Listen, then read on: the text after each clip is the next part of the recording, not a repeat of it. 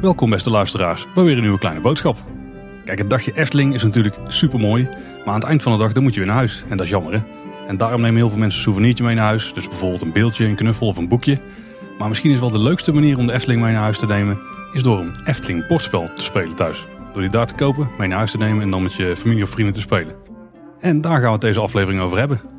Maar zonder Tim, want die geeft er helemaal niks om. Maar we hebben daarom twee gasten hier aan tafel zitten. Welkom Maarten. Hey, hallo, dag Paul. We gaan daar even een rondje doen, maar ook welkom terugkerende gasten Marwin. Ja, dankjewel. Daar zijn we weer. Eh heren, stel je eens even voor en eh, vertel ik even wat hebben jullie met bordspellen? Want er is natuurlijk een reden dat wij hier met z'n drieën zitten. Nou, eh, ik ben Maarten, ik kom uit België. Ik ben denk ik al mijn hele leven Efteling-fan en misschien al bijna net zo lang bordspelspeler. Dat is misschien wat overdreven, maar daar komt het eigenlijk wel op neer. En eh, de laatste jaren ben ik naast eh bordspelspeler en eh roleplaying game speler ook een stapje aan het zetten in de wereld van het eh boardgame design. Kijk, kijk, dat komt goed uit vanavond. Ah, een kennis die we wel kunnen gebruiken, denk ik. Ja, ik, uh, Marvin van Hoeven, eigenaar van, uh, van uh, Vijf Zintuigen. En ja, pff, ik speel eigenlijk al vanaf kinds af aan bordspellen. Uh, er is even ook een tijdje geweest dat het helemaal niet geweest is. Um, maar eigenlijk sinds, ik denk, een jaar of vijf, zes, is het echt wel weer, wel weer druk bezig met bordspellen spelen. Ja, dus... Nou, ik ben dus Paul. Jullie kennen mij wel, denk ik. en ik speel uh, ook al heel lang bordspellen. Ik heb heel veel jaren gewoon fanatiek Catan gespeeld. Dat was dan het meest spectaculaire bordspel wat ik kende. Herkenbaar. Uh, maar toen ontdekte ik op een gegeven moment dat er wel meer was. En dat het eigenlijk nog veel interessanter was in de wereld van de bordspellen dan dat ik, uh, dan dat ik daarvoor wist. Mm -hmm. En toen ben ik volgens mij een beetje binnengerold via een tip van ook Efteling-kenner Boukje. Aha, oké. Okay, ja. ik, had, ik had ontdekt, er zijn spellen en dan kun je samen spelen. In plaats van dat je tegen elkaar speelt. Cooperative gaming. Juist, precies, ja. Want dat doe je in de meeste spellen, dan speel je tegen elkaar. Uh, maar ik denk, ik verlies altijd van mijn vrouw. Dus misschien is, het, misschien is het goed om een spelletje te vinden wat we dan samen kunnen spelen. Dan dat kun we samen, samen verliezen. Precies, en, en, vooral samen winnen als mee zit. en toen ontdekte ik dus Flashpoint. Ah, Oeh. juist. Ja, een coöperatief spel waarbij je eigenlijk brandjes moet blussen. Mensen moeten redden uit een brandend huis. Hm. Mm. En uh, toen is het balletje eigenlijk wel gaan rollen. Toen ben ik steeds meer spellen gaan kopen en steeds interessantere spellen gaan spelen. En sinds een tijdje speel ik ook met collega's Dungeons and Dragons. Dat is ah, misschien wel. Dat hoor ik graag. Ah, ja, klassieke uh, geekspel, hè? Ja, ja. nou, het is op zich wel grappig dat je het noemt, uh, Flashpoint. Want dat was eigenlijk mijn entry game ook weer, zeg maar, ah, okay. toen ik begon.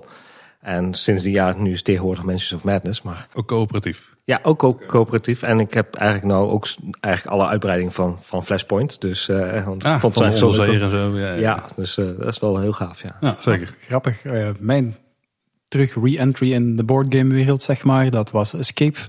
Uh, dat, was, uh, dat is ook een coöperatieve game waarbij ja. je een tempel Indiana Jones-stijl moet ontsnappen op maat van een soundtrack. Dus het ligt een Ja. beetje in het verlengde. Cooperative gaming zit wel in de lift, precies. Ja. Wel een stressvolle game, hè? Enorm, maar wel leuk. Hey, wij gaan het vandaag vooral hebben over spellen die, uh, of bordspellen die de Efteling heeft uitgegeven. Mm -hmm. uh, of hoe dat precies dan werkt met uitgeven, daar weet jij misschien wel meer van, Marvin. Maar daar kunnen we het ook wel even over hebben. Maar misschien even vooraf. Wat is nou een bordspel? Goh. In de Ja. breedste zin des woorden, denk ik. Het lijkt zo voor de hand liggend uh, antwoord te hebben, hè? maar ik denk dat er wel wat discussieruimte mogelijk is. Ik bedoel, als je kijkt naar een spelletje zoals Munchkin, ik ga niet te hard verticaal gaan, maar een spelletje als Munchkin bestaat voornamelijk uit kaarten. Laten we het noemen dat het een gezelschapsspel is, maar er zit geen bord in, dus is het dan een bordspel? Ja. Weet ik veel. Gansbord heeft wel een bord, Ja. maar er zit zo weinig player agency in. Het is vrij, vrijwel volledig uh, gebaseerd op geluk. Noem je dat dan ook een bordspel? Dus ja, de, de definitie lijkt me, lijkt me een beetje open op dat gebied. Ik, is, misschien is gezelschapsspel wel het beste woord om te gebruiken. Maar ik denk dat we het vanavond vooral over bordspellen gaan hebben. Ja. Ja. Want dat is ook wel de term die vaak eh, online wordt gehanteerd natuurlijk. Ja. Maar dat is eigenlijk wel een goeie, ja. Maar het is vooral een spel wat je dus met meerdere mensen vaak speelt. Je hebt dan weinig singleplayer boardgames, hè. Die zullen Oh, vast die zijn. er nee, wel. nee, dat is niet waar hoor. Er zijn echt wel heel veel single-player boardgames. Uh, Er zit ook wel weer terug een beetje in de lift. Als ik zo kijk op Kickstarter, dan zie je heel vaak te spelen van 1 tot 4, te spelen van 1 tot 6 spelers. Uh, dus daar wordt wel rekening mee gehouden. Dus, uh, de grap is ook uh, Mansions of Madness. Hè, dus daar ga je als zijn onderzoeksteam ga jij een, een huis bezoeken. Dat was, in de eerste editie was het een 2 tot, uh, 2 tot 6 spelers. En er was dan één, was zeg maar de Dungeon Master. Hè, dus degene die het bord controleert en waar tegen je speelt. En ze hebben dat nu, met behulp van de app, hebben ze dat nu naar een 1 tot 5 spelers gespeeld. dat is wel nice. En dat, dus je speelt altijd tegen de app in dat geval. Mhm. Oké. Okay. Nou, misschien om een beetje context te kweken als we daar over de spellen van de Efteling gaan hebben. Uh, wat voor spellen spelen wij op dit moment zoal? En, en, en wat zijn dan onze favoriete soort spellen? Uh, favoriete soort spellen? Ik denk dat ik, ik, ik leun eerder meer op thematische games. Dus uh, spellen die het vooral moeten hebben van een goed thema, een, een goed onderbouwde wereld, min of meer wel. Uh, maar daar mag natuurlijk ook wel een, beetje een krachtige gameplay engine achter zitten. Maar het thema moet me sowieso wel aanspreken. Wat ik momenteel speel, ik had het al laten vallen, is Root. Dat vind ik fenomenaal goed. Uh, het heeft denk ik vorige week ook nog net spel van het jaar gewonnen bij SPSX. Uh, een van de grootste Game of Geek beurzen. Het is volledig asymmetrisch. Het zit heel sterk in elkaar. Het heeft enorm veel herspeelbare mogelijkheden. En het is, uh, zoals we dat in België zo mooi zeggen, een spel met een hoek af. Het is uh, cute, fluffy animals, maar Game of Thrones-stijl van uh, pak iemand zijn land af en doe er vreselijke dingen mee. en wat bedoel je met asymmetrisch? Met asymmetrisch bedoel ik dat geen enkele spelersrol gelijk is. Dus bijvoorbeeld als je kan zeggen naar... Als je kijkt naar de meeste bordspellen, die begin je allemaal wel gelijkmatig. Dus iedereen heeft dezelfde middelen en vaak ook hetzelfde doel. Uh, bij een spelletje als Root heeft iedereen een andere manier om te winnen, om van punten te scoren. En de gameplay per speler is ook echt compleet anders. Dus de leercurve is iets steiler in het begin, maar het loont zo de moeite om dat onder de knie te krijgen. Het is echt heel goed. Oké. Ja, fancy. Ja. Ik uh, speel zelf uh, op dit moment heel veel uh, Mansions of Madness. dat is wel een, een, een zwaar bordspel, om het zo maar mm -hmm. even te zeggen. je, ben, je kunt daar rustig zes uur mee bezig zijn. Maar, zo, wow. Ja, dat is, maar je bent wel gewoon bezig. En, en dat, dat maakt wel het verschil. Dus je gaat als zijnde mensen zeg maar een mansion binnen... waar wat occulte zaken aan de hand zijn. En je probeert dus het mysterie te ontvlechten. En dus ook ja, te ontkrachten en daarmee bezig te zijn. Uh, dus dat is wel een heftig spel. En daarnaast zijn we net begonnen met Pandemic Legacy. En kijk, oh, ja, kijk, kijk, wordt hier Maar Pandemic, voor de mensen die het niet kennen, Pandemic is in principe een coöperatief bordspel waarbij je dus um, virussen uh, te lijf moet gaan. Je moet medicijnen ontwikkelen, dan ben je het spel. Dat moet binnen een aantal rondes gebeuren. Ja, speelt um, zich af op een soort riskachtige wereldkaart, zeg maar. Ja, ja. klopt, inderdaad. En uh, daar zit een soort van ripple effect in. Hè? Dus dat als één stad, zeg maar, maar een, epidemie uitbreekt, dan heb je best kans dat het naar de andere steden uitbreidt. En dat kan heel snel gaan. De legacy variant is in dat geval dat je een extra stapel kaarten gaat krijgen. En um, bijna moet, soms moet vernietigen, om te zeggen. Dus kaarten doorscheuren, uh, stickers plakken, dat soort dingetjes. Zodat je dus binnen een jaar ja, probeert één, één van de virussen de baas te worden. Die dus bijna niet te stoppen is, zeg maar. En was het nou jouw favoriete type spellen? Want dit zijn beide coöperatieve spellen. Uh, favoriete type vind ik lastig om te noemen. Want ik speel heel veel type, verschillende type spellen. Omdat ik heel veel, in heel veel groepen zit. Uh, coöperatief vind ik heel leuk. Uh, soms bluff vind ik heel leuk. Mm -hmm. Uh, denk aan uh, uh, Sheriff of Nottingham. Oh ja, um, ook een heel toffe. Ik ken niet alles wat hier wordt gezegd. Hoor, maar. zeker eens opzoeken, Paul. Ja. Ah, okay, Respect voor je bek, ben ik zeker van. En Age of Thieves, dat is waarin je dus eigenlijk maximaal vier spelers een edelsteen moet proberen te, te, te beroven vanuit een grote, ja, vanaf, vanuit het kasteel. En zorgen dat je de stad uitkomt. Um, en dat is eigenlijk tot op het laatste moment wel heel erg spannend. Dus dat is wel, een, ja, mm -hmm. dat zijn wel verschillende type spellen die ik wel heel erg interessant en heel tof vind. Ja. Wat bij mij erg belangrijk is, is dat ook het thema. Het bordspel spelen is ook wel een soort van vorm van escapisme, weet je wel, net als de Efteling. Juist. Dus uh, als het thema sterk is, dan helpt het wel heel erg mee om een beetje, een beetje in die wereld uh, te raken. En dan uh, suspension of disbelief, en dat je toch een beetje denkt van, ik ben hier echt mee bezig. Mm -hmm. en daarmee is Pandemic ook wel een favoriet van ons. Uh, ook zeker de legacy uitvoering, want daarbij, um, ja, je speelt eigenlijk op een wereld, je bent eigenlijk een soort controller. Hè? En je speelt ja. dan op een wereldkaart en je bent gewoon dingen aan het verplaatsen. Het zou bij wijze van spreken op een computerscherm kunnen zijn, alleen dan in een uh, iets grotere periode van tijd waarin je dit echt zou kunnen doen. Ja. En zeker Pandemic Legacy is heel tof, want daar kun je dus in principe ook maar één keer spelen. Het is bijna een soort uh, Netflix-serie, waarbij je iedere, je hebt het spel is opgedeeld in 12 maanden. Mm -hmm. En er is een soort introductiegame. Um, je kunt iedere maand maximaal twee keer spelen, maar dan moet je verder. Dus ook al verlies je twee keer, dan ga je verder. En als je wint, ga je ook verder. Dus als je het heel goed doet, dan, uh, dan heb je eigenlijk maar twaalf games en dan ben je gewoon klaar. Uh, maar dan heb je wel echt, ik denk wel twaalf van de beste boardgame games gespeeld die je ooit ja. van je leven ja, hebt gedaan. Um, dus die vind ik, vinden we heel tof. Pandemic Legacy seizoen 1 hebben we uitgespeeld. Seizoen 2 zijn we nu mee bezig. En we spelen ook redelijk veel patchwork. En dat is wel een eh, Ja. spel tegen elkaar. Eigenlijk super simpel. Ook een heel klein doosje kun je makkelijk mee op vakantie nemen. Easy to learn, hard to master. Ja, er zit echt Ja. super veel tactiek in. Dat is, dat is een spel waarbij je eigenlijk een lappendeken moet maken. En Het is een beetje een variant van Tetris. En eh, tactisch over een bord heen lopen, zeg maar. En eh, wat muntjes verzamelen. Of knopen in dit geval. Hè. Want het thema is dus een lappendeken maken. Ik, ik heb hem thuis, ik heb hem nog niet gespeeld. Dus die, Nee, hij is echt wel tof. Hè? Ja. Ah, dat kwaaltje kennen we. Eh, voordat we dus nog dieper de spellen van de Efteling in gaan duiken. Je hebt heel veel verschillende typen spellen. We zeiden net al, we zijn denk ik ooit allemaal wel begonnen met eh, Monopoly, eh, Risk.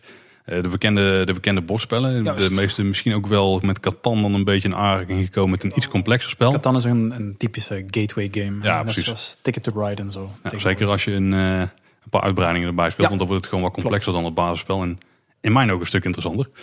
Wat voor soort games hebben we nu eigenlijk? Want dan kunnen we daar de Efteling spellen een beetje in die categorieën gaan plaatsen. Ja, ehm, ik denk als je het gaat hebben over, over soorten, ja, en nog niet eens over genres, dat je even moet kijken naar. ehm, je hebt natuurlijk de mainstream spellen zoals je die net noemde. Eh, ik denk dan ook aan de typische, ja, weet ik veel, wat je in de gemiddelde spellenkast van, van 15 tot 20 jaar geleden wel terugvond. En nu nog steeds, zoals een Monopoly, zoals een Vier op een Rij, zoals een, weet ik veel, Pim Pampet, Scrabble, weet ik veel. En dat zijn dan meer de spelletjes die een grote geluksfactor hebben of een toch minder strategisch zijn qua opbouw en waar, waarbij het gewoon het sociaal zijn en het samen interacteren met een spel voorop staat.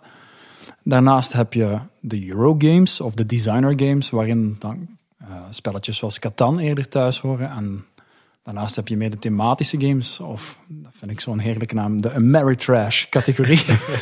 Eh, hoewel dat tegenwoordig niet meer zo opgaat en die lijn steeds dunner wordt, denk ik dat dat ze zo wat zijn. Dus je hebt de mainstream games, je hebt de meer designer games en je hebt de meer spellen die wat meer thematisch zijn eh, qua inslag. En als je daar dieper in gaat duiken, dan zie je daar verschillende genres in. En zie je daar wel of geen overlap de laatste jaren. Bijvoorbeeld, ik noemde daar straks Root. Root is een Amerikaans spel van een Amerikaanse uitgever, maar voelt qua design vrij Europees aan. Uh, de manier waarop het, de spelstructuur voorop staat, waarop je heel strategisch kunt gaan spelen, waarop er weinig tot geen geluk mee is gemoeid. Misschien wat random dingetjes in het spel, maar de lijnen zijn wat vervaagd de laatste jaren. Dus uh, ja, ik denk grosso, grosso modo situeert het zich daar. Oké, okay, en je hebt natuurlijk ook, ik heb een beetje onderzoek gedaan, nog uh, abstracte spellen.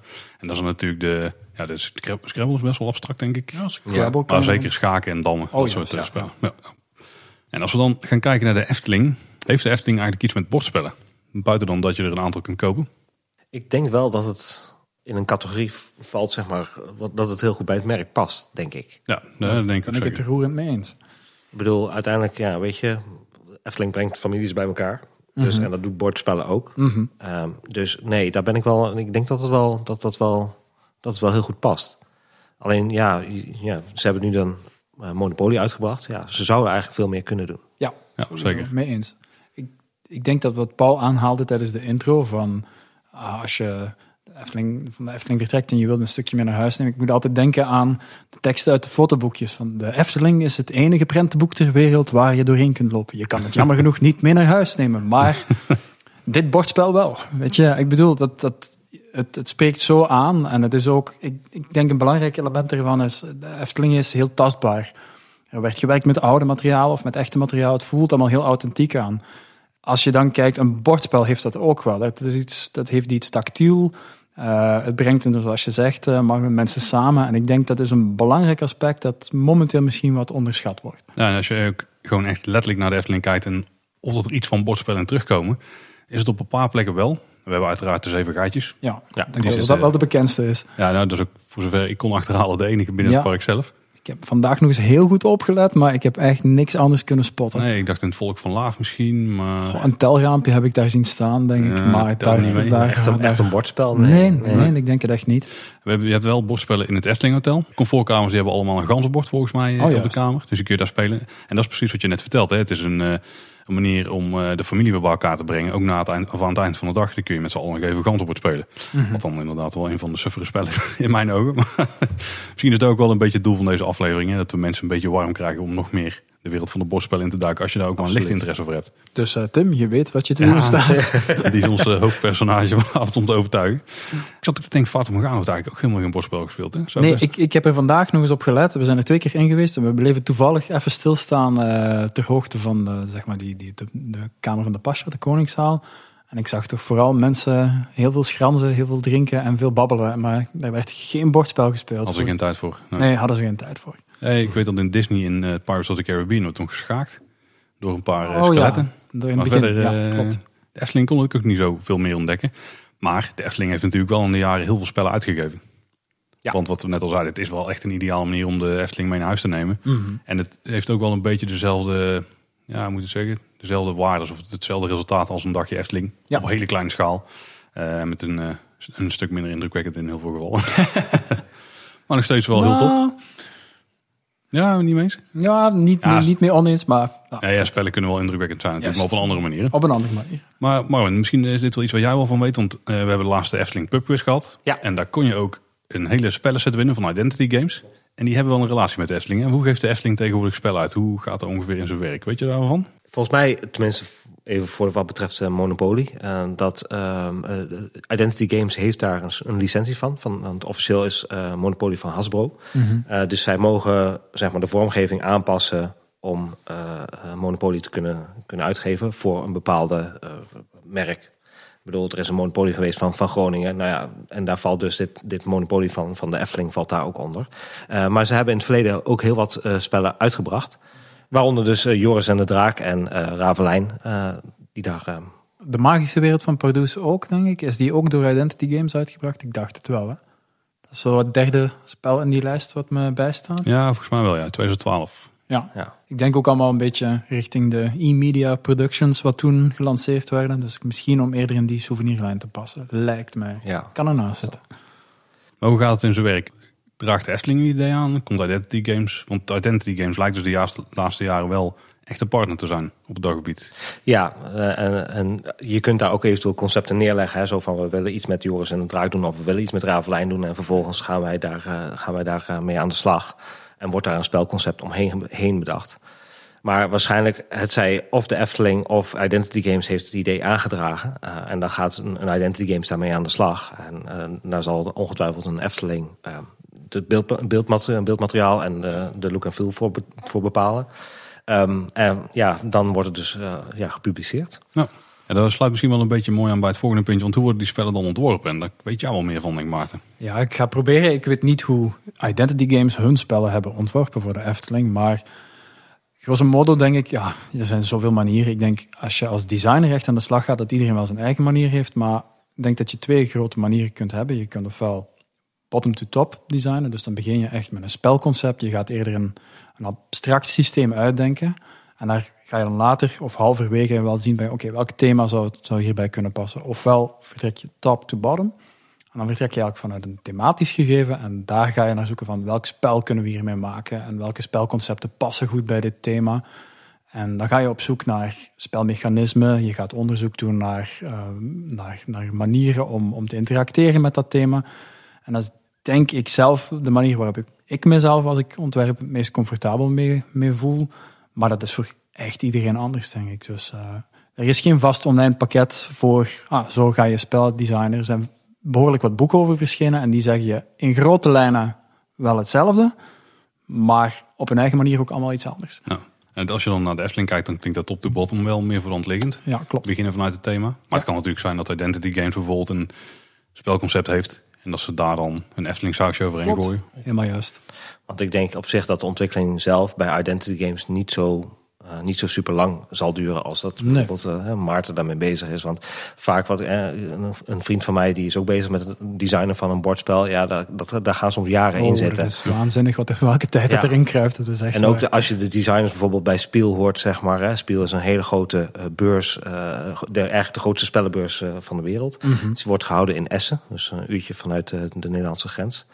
Ehm, ja, weet je, dan, die zijn daar ook gewoon jaren en jaren soms mee bezig om gewoon Ja, een spel te ontwikkelen. En dan wordt er vaak ook weer geproef gespeeld. En dan zeggen ze, oh, we moeten toch even dit en dit en dit nog even tweaken. En bij een Identity Games, die hebben soms ook wel dingen gewoon op plank liggen. En zo van, nou ja, weet je, dit is een concept wat we hebben. Daar gooien we nu het sausje van de Efteling overheen. Klopt. En dat is Monopoly een goed voorbeeld van. Maar heb je zo nog andere voorbeelden daarvan? Ik denk Monopoly is net buiten categorie, om, omdat Monopoly is echt, ja, om het grof te zeggen, dat is koudweg een, een licentie. En daar heb je de, min of meer de artwork en de verwoording van de plaatjes aangepast. Dus ik weet niet hoeveel echt designwerk hier nog, buiten het grafische dan, eh, en, en misschien hier en daar wat, wat, wat, wat tekst aangepast. Ik weet niet hoeveel echt designwerk of hoeveel, ik heb het niet gespeeld. Dus ik weet niet, zijn er regels aan toegevoegd of zo? Of zijn er dingen veranderd? Ik, Volgens mij, zijn, sterk. volgens mij zijn er geen echte regels aan toegevoegd. Nee, dat is ook niet de bedoeling van, van, van een monopolie aan te bieden. Ik denk gewoon dat je wilt zeggen, hey, kijk, er is een Efteling monopolie. Dus mensen die Ja. dat tof vinden, die gaan dat kopen omdat het Efteling en monopolie is. Ja, twee bekende namen aan elkaar geknoopt. Ja, Ja. ja, ja, Ja, en ik denk ook dat, dat Hasbro en zo ook zelf daar wel regels aan, aan, aan verbindt. absoluut, absoluut. Heb je wel een voorbeeld van een spel waar er iets meer misschien het geval is? Of is het gewoon van het concept was er, er is niet per se een ander spel met hetzelfde concept en een ander Oh. thema? Eh, ik vind het moeilijk, hè, want ik moet eerlijk bekennen dat ik zowel Joris en de Draak als eh Pardoes als, als eh, welk was het? Eh Ravelijn. Ravelijn. Heb ik, ik heb ze alle drie ook gewoon niet gespeeld. Eh, dus ik zou het niet kunnen zeggen hoe dat daarbij in zijn werk gaat. Ja, ik, ik weet dat ze wel ooit een, sp- ze hebben ooit een sprookjesspel gehad. ja. En daar is dan later weer een nieuwe variant van uitgekomen. En toen was het in één keer het, het sprookjesboomspel. Oh, oké. ja. Een oké. voorbeeld dat ik even zo, maar dat is dan binnen de Ja. Efteling nog. Maar volgens mij had je ook wel variatietafel weer met andere thema's. Voor andere, Goh. ja, niet per se eens pretparken, maar Mhm. voor andere licenties. Nou ja, ik heb zelf wel eh, Joris en de Draak en Ravelijn eh, gespeeld. Of tenminste, Ravelijn heb ik eh, gezien. Eh, Joris en de Draak heb ik wel gespeeld. Eh, volgens mij waren dat wel meer unieke concepten ja, dat is ook wat van, ik eh, ervan weet. Ja. Van, eh, van dan eh, zeg maar eh, het standaard spellenwerk wat je Mhm. bij een Interno- Intertoys vindt. en zo. Mhm. Dus Oké. En als we dan kijken naar die spellen. Wanneer is een Efteling-spel nou echt voor ons geslaagd? Wanneer, wat zijn de kwaliteiten waar een spel wat de Efteling uitgeeft aan moet voldoen Ah, om het een geslaagd spel te laten zijn? Ik zie Marvin heel bedenkelijk kijken. Ga jij deze nemen?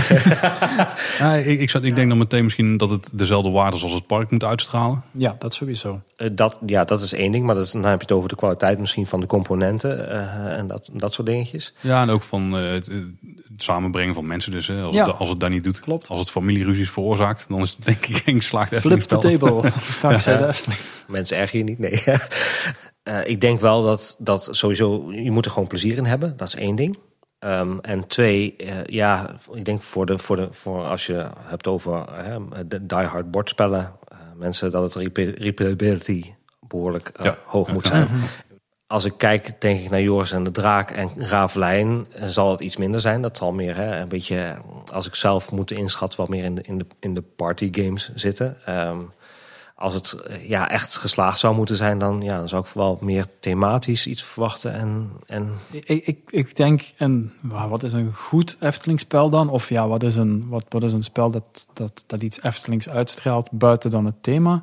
Ik denk een stukje authenticiteit dat heel belangrijk is. En dat het niet aanvoelt als, oh, dit is iets dat past binnen een productlijn dat benaast de, weet ik veel, roodkapje handtas of de wolfbadmuts kunnen leggen of, of weet ik veel. En dat, daar is op zich niks mis mee, dat wil ik niet zeggen. Dat, die dingen horen daar ook gewoon tussen. Maar als je het echt hebt over een, over een bordspel met ja, her, grote herspeelbare waarden, met misschien wat meer, eh, wat meer vlees aan de botten, dan, dan denk ik dat, dat authenticiteit er een groot deel van uitmaakt. Ja, kan ik me wel aan vinden.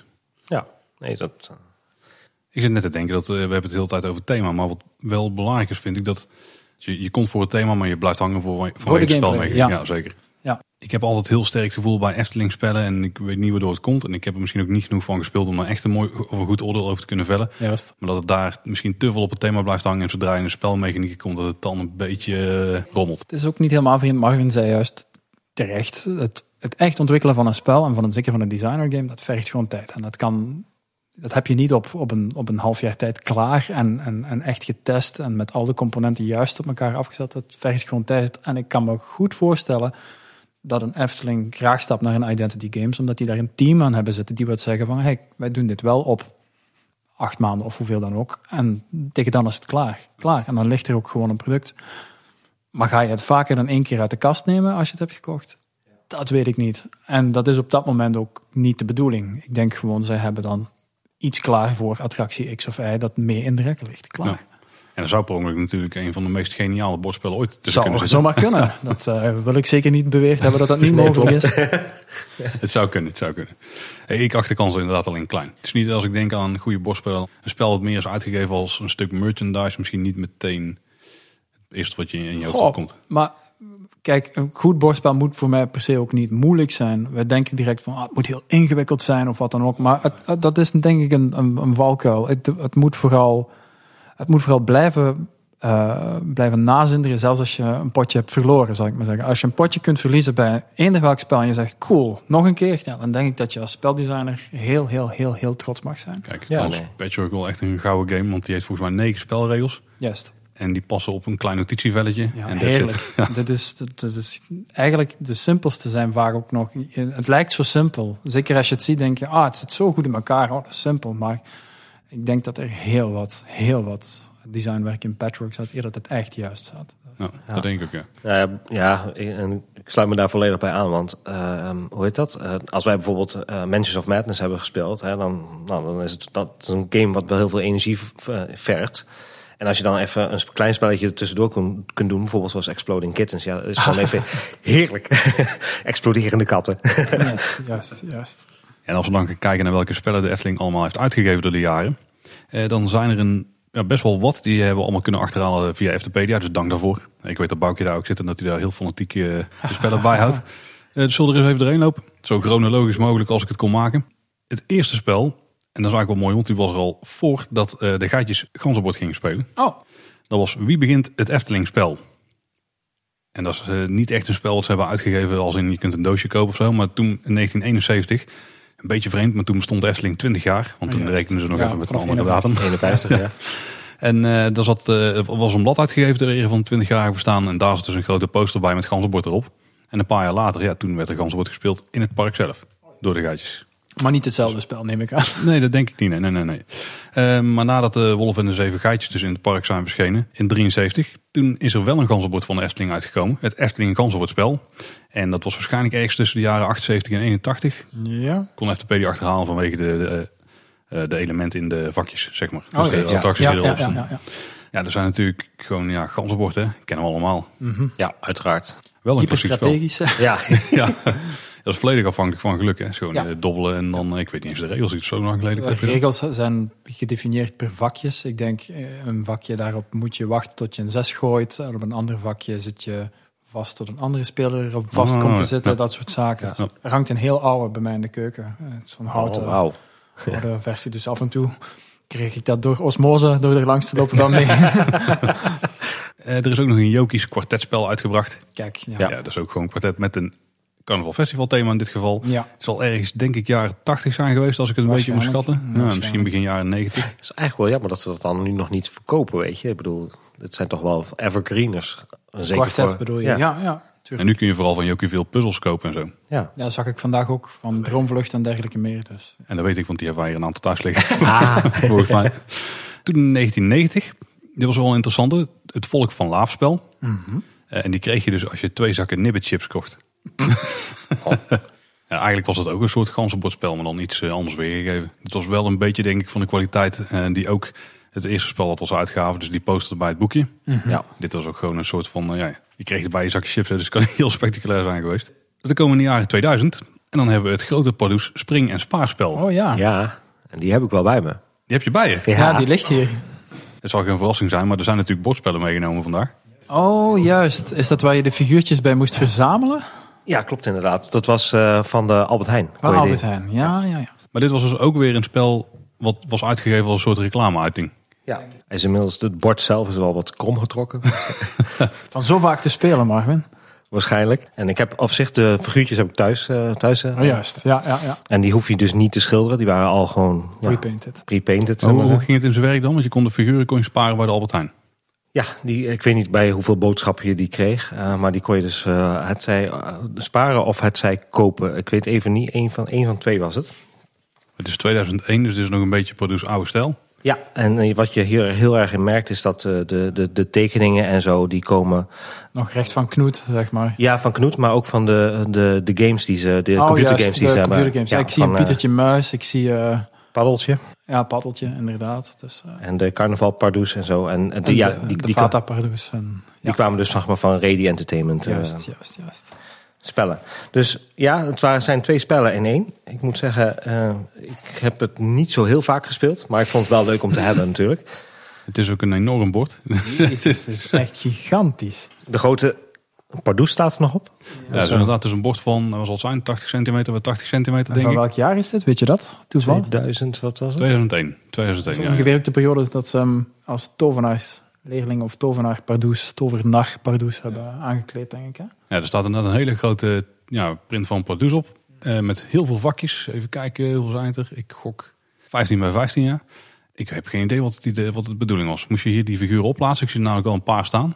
Nou, wat ik, wat ik wel even zag, was dat het een, een soort van eh, paarden, eh, paardensprongspel is. Oh, dus je. Ah, ja. van het schaken, hè, een paard, hè, twee omhoog, één naar links. Ehm, dat, eh, dat, moest je hier, eh, dat moest je hier doen. Ik begrijp dus dat er, er waren eigenlijk, eigenlijk twee spellen. Dus je had een memory spel of een memo spel. Een soort traditioneel. Ja. Ah, ja, dus op de andere kant, ja, daar heb je gewoon vakjes en dan kun je kaartjes opleggen. Die zie ik volgens mij ook zitten in, het, in de doos.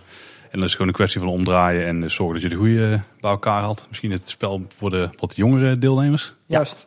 En het andere spel was een paardensprongspel inderdaad. Ah ja, en dat doe je dus door die paardensprongen te maken. En dan moet je over het bord moet je dingen verzamelen. Je moet ook vragen over de Efteling beantwoorden.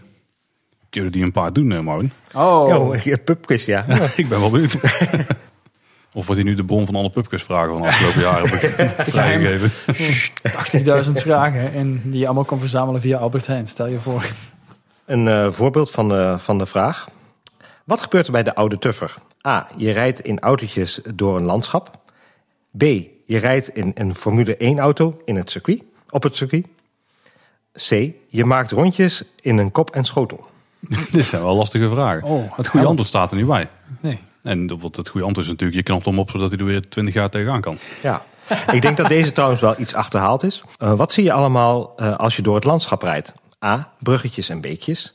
B. Bergen met sneeuw. C. Verschillende sprookjesfiguren. Ja, dit gaat niet zo goed uh, verjaren. Er staat niks bij van wegvluchtende kippen en Nee, opduikende hazen. Nee, Ah, nee, wat nee, jammer. nee, helaas niet. Is niet up-to-date.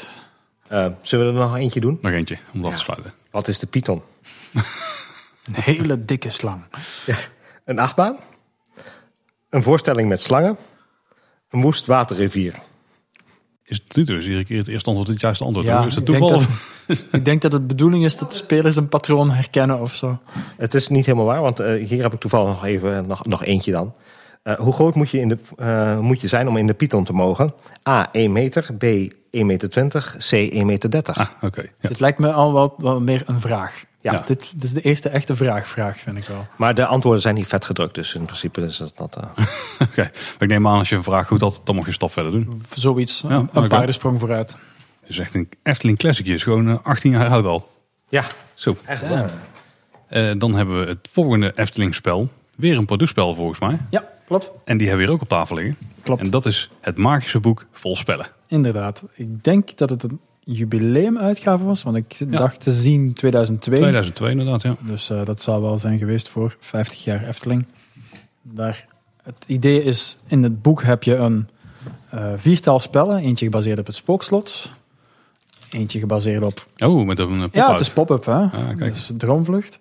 Eentje gebaseerd op het Sprookjesbos met een, Ja. een heel zuur kijkende langnek. is wel ook een hele hoge, die komt Ja. er wel flink uit. Ik vind ook, hij heeft de lieve heersbeestje op zijn nek, maar het lijkt alsof hij er een heel ernstig gezwel heeft.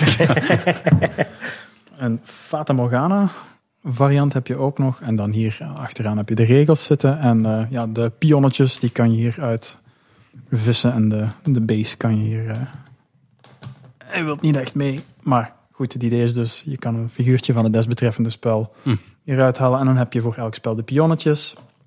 En dan kan je aan de hand van die boekjes de spelregels achterhalen. Deze ziet er wel heel tof uit eigenlijk. Ja, dit is op zich wel geinig bedacht, vind ik. Dit is wel cool, cool gevonden. Alleen de spellen zijn ook weer niet van dat niveau dat je het herhaaldelijk gaat zeggen. Nog een keer. Het zijn ook echt verschillende spellen. Dus ja, het zijn wel degelijk allemaal verschillende spellen. Ik denk bij het spookslot, als ik me niet vergis, moet je eh, hier aan de wijzer draaien. En dan moet je naar een van de bijhorende vakjes. Dan moet je kijken welk vakje dat je hebt. En als je drie sleutels hebt, geloof ik, dan mag je een stapje hier vooruit met je pion. En dan moet je naar de uitgang. Ontsnap uit het spookslot, basically.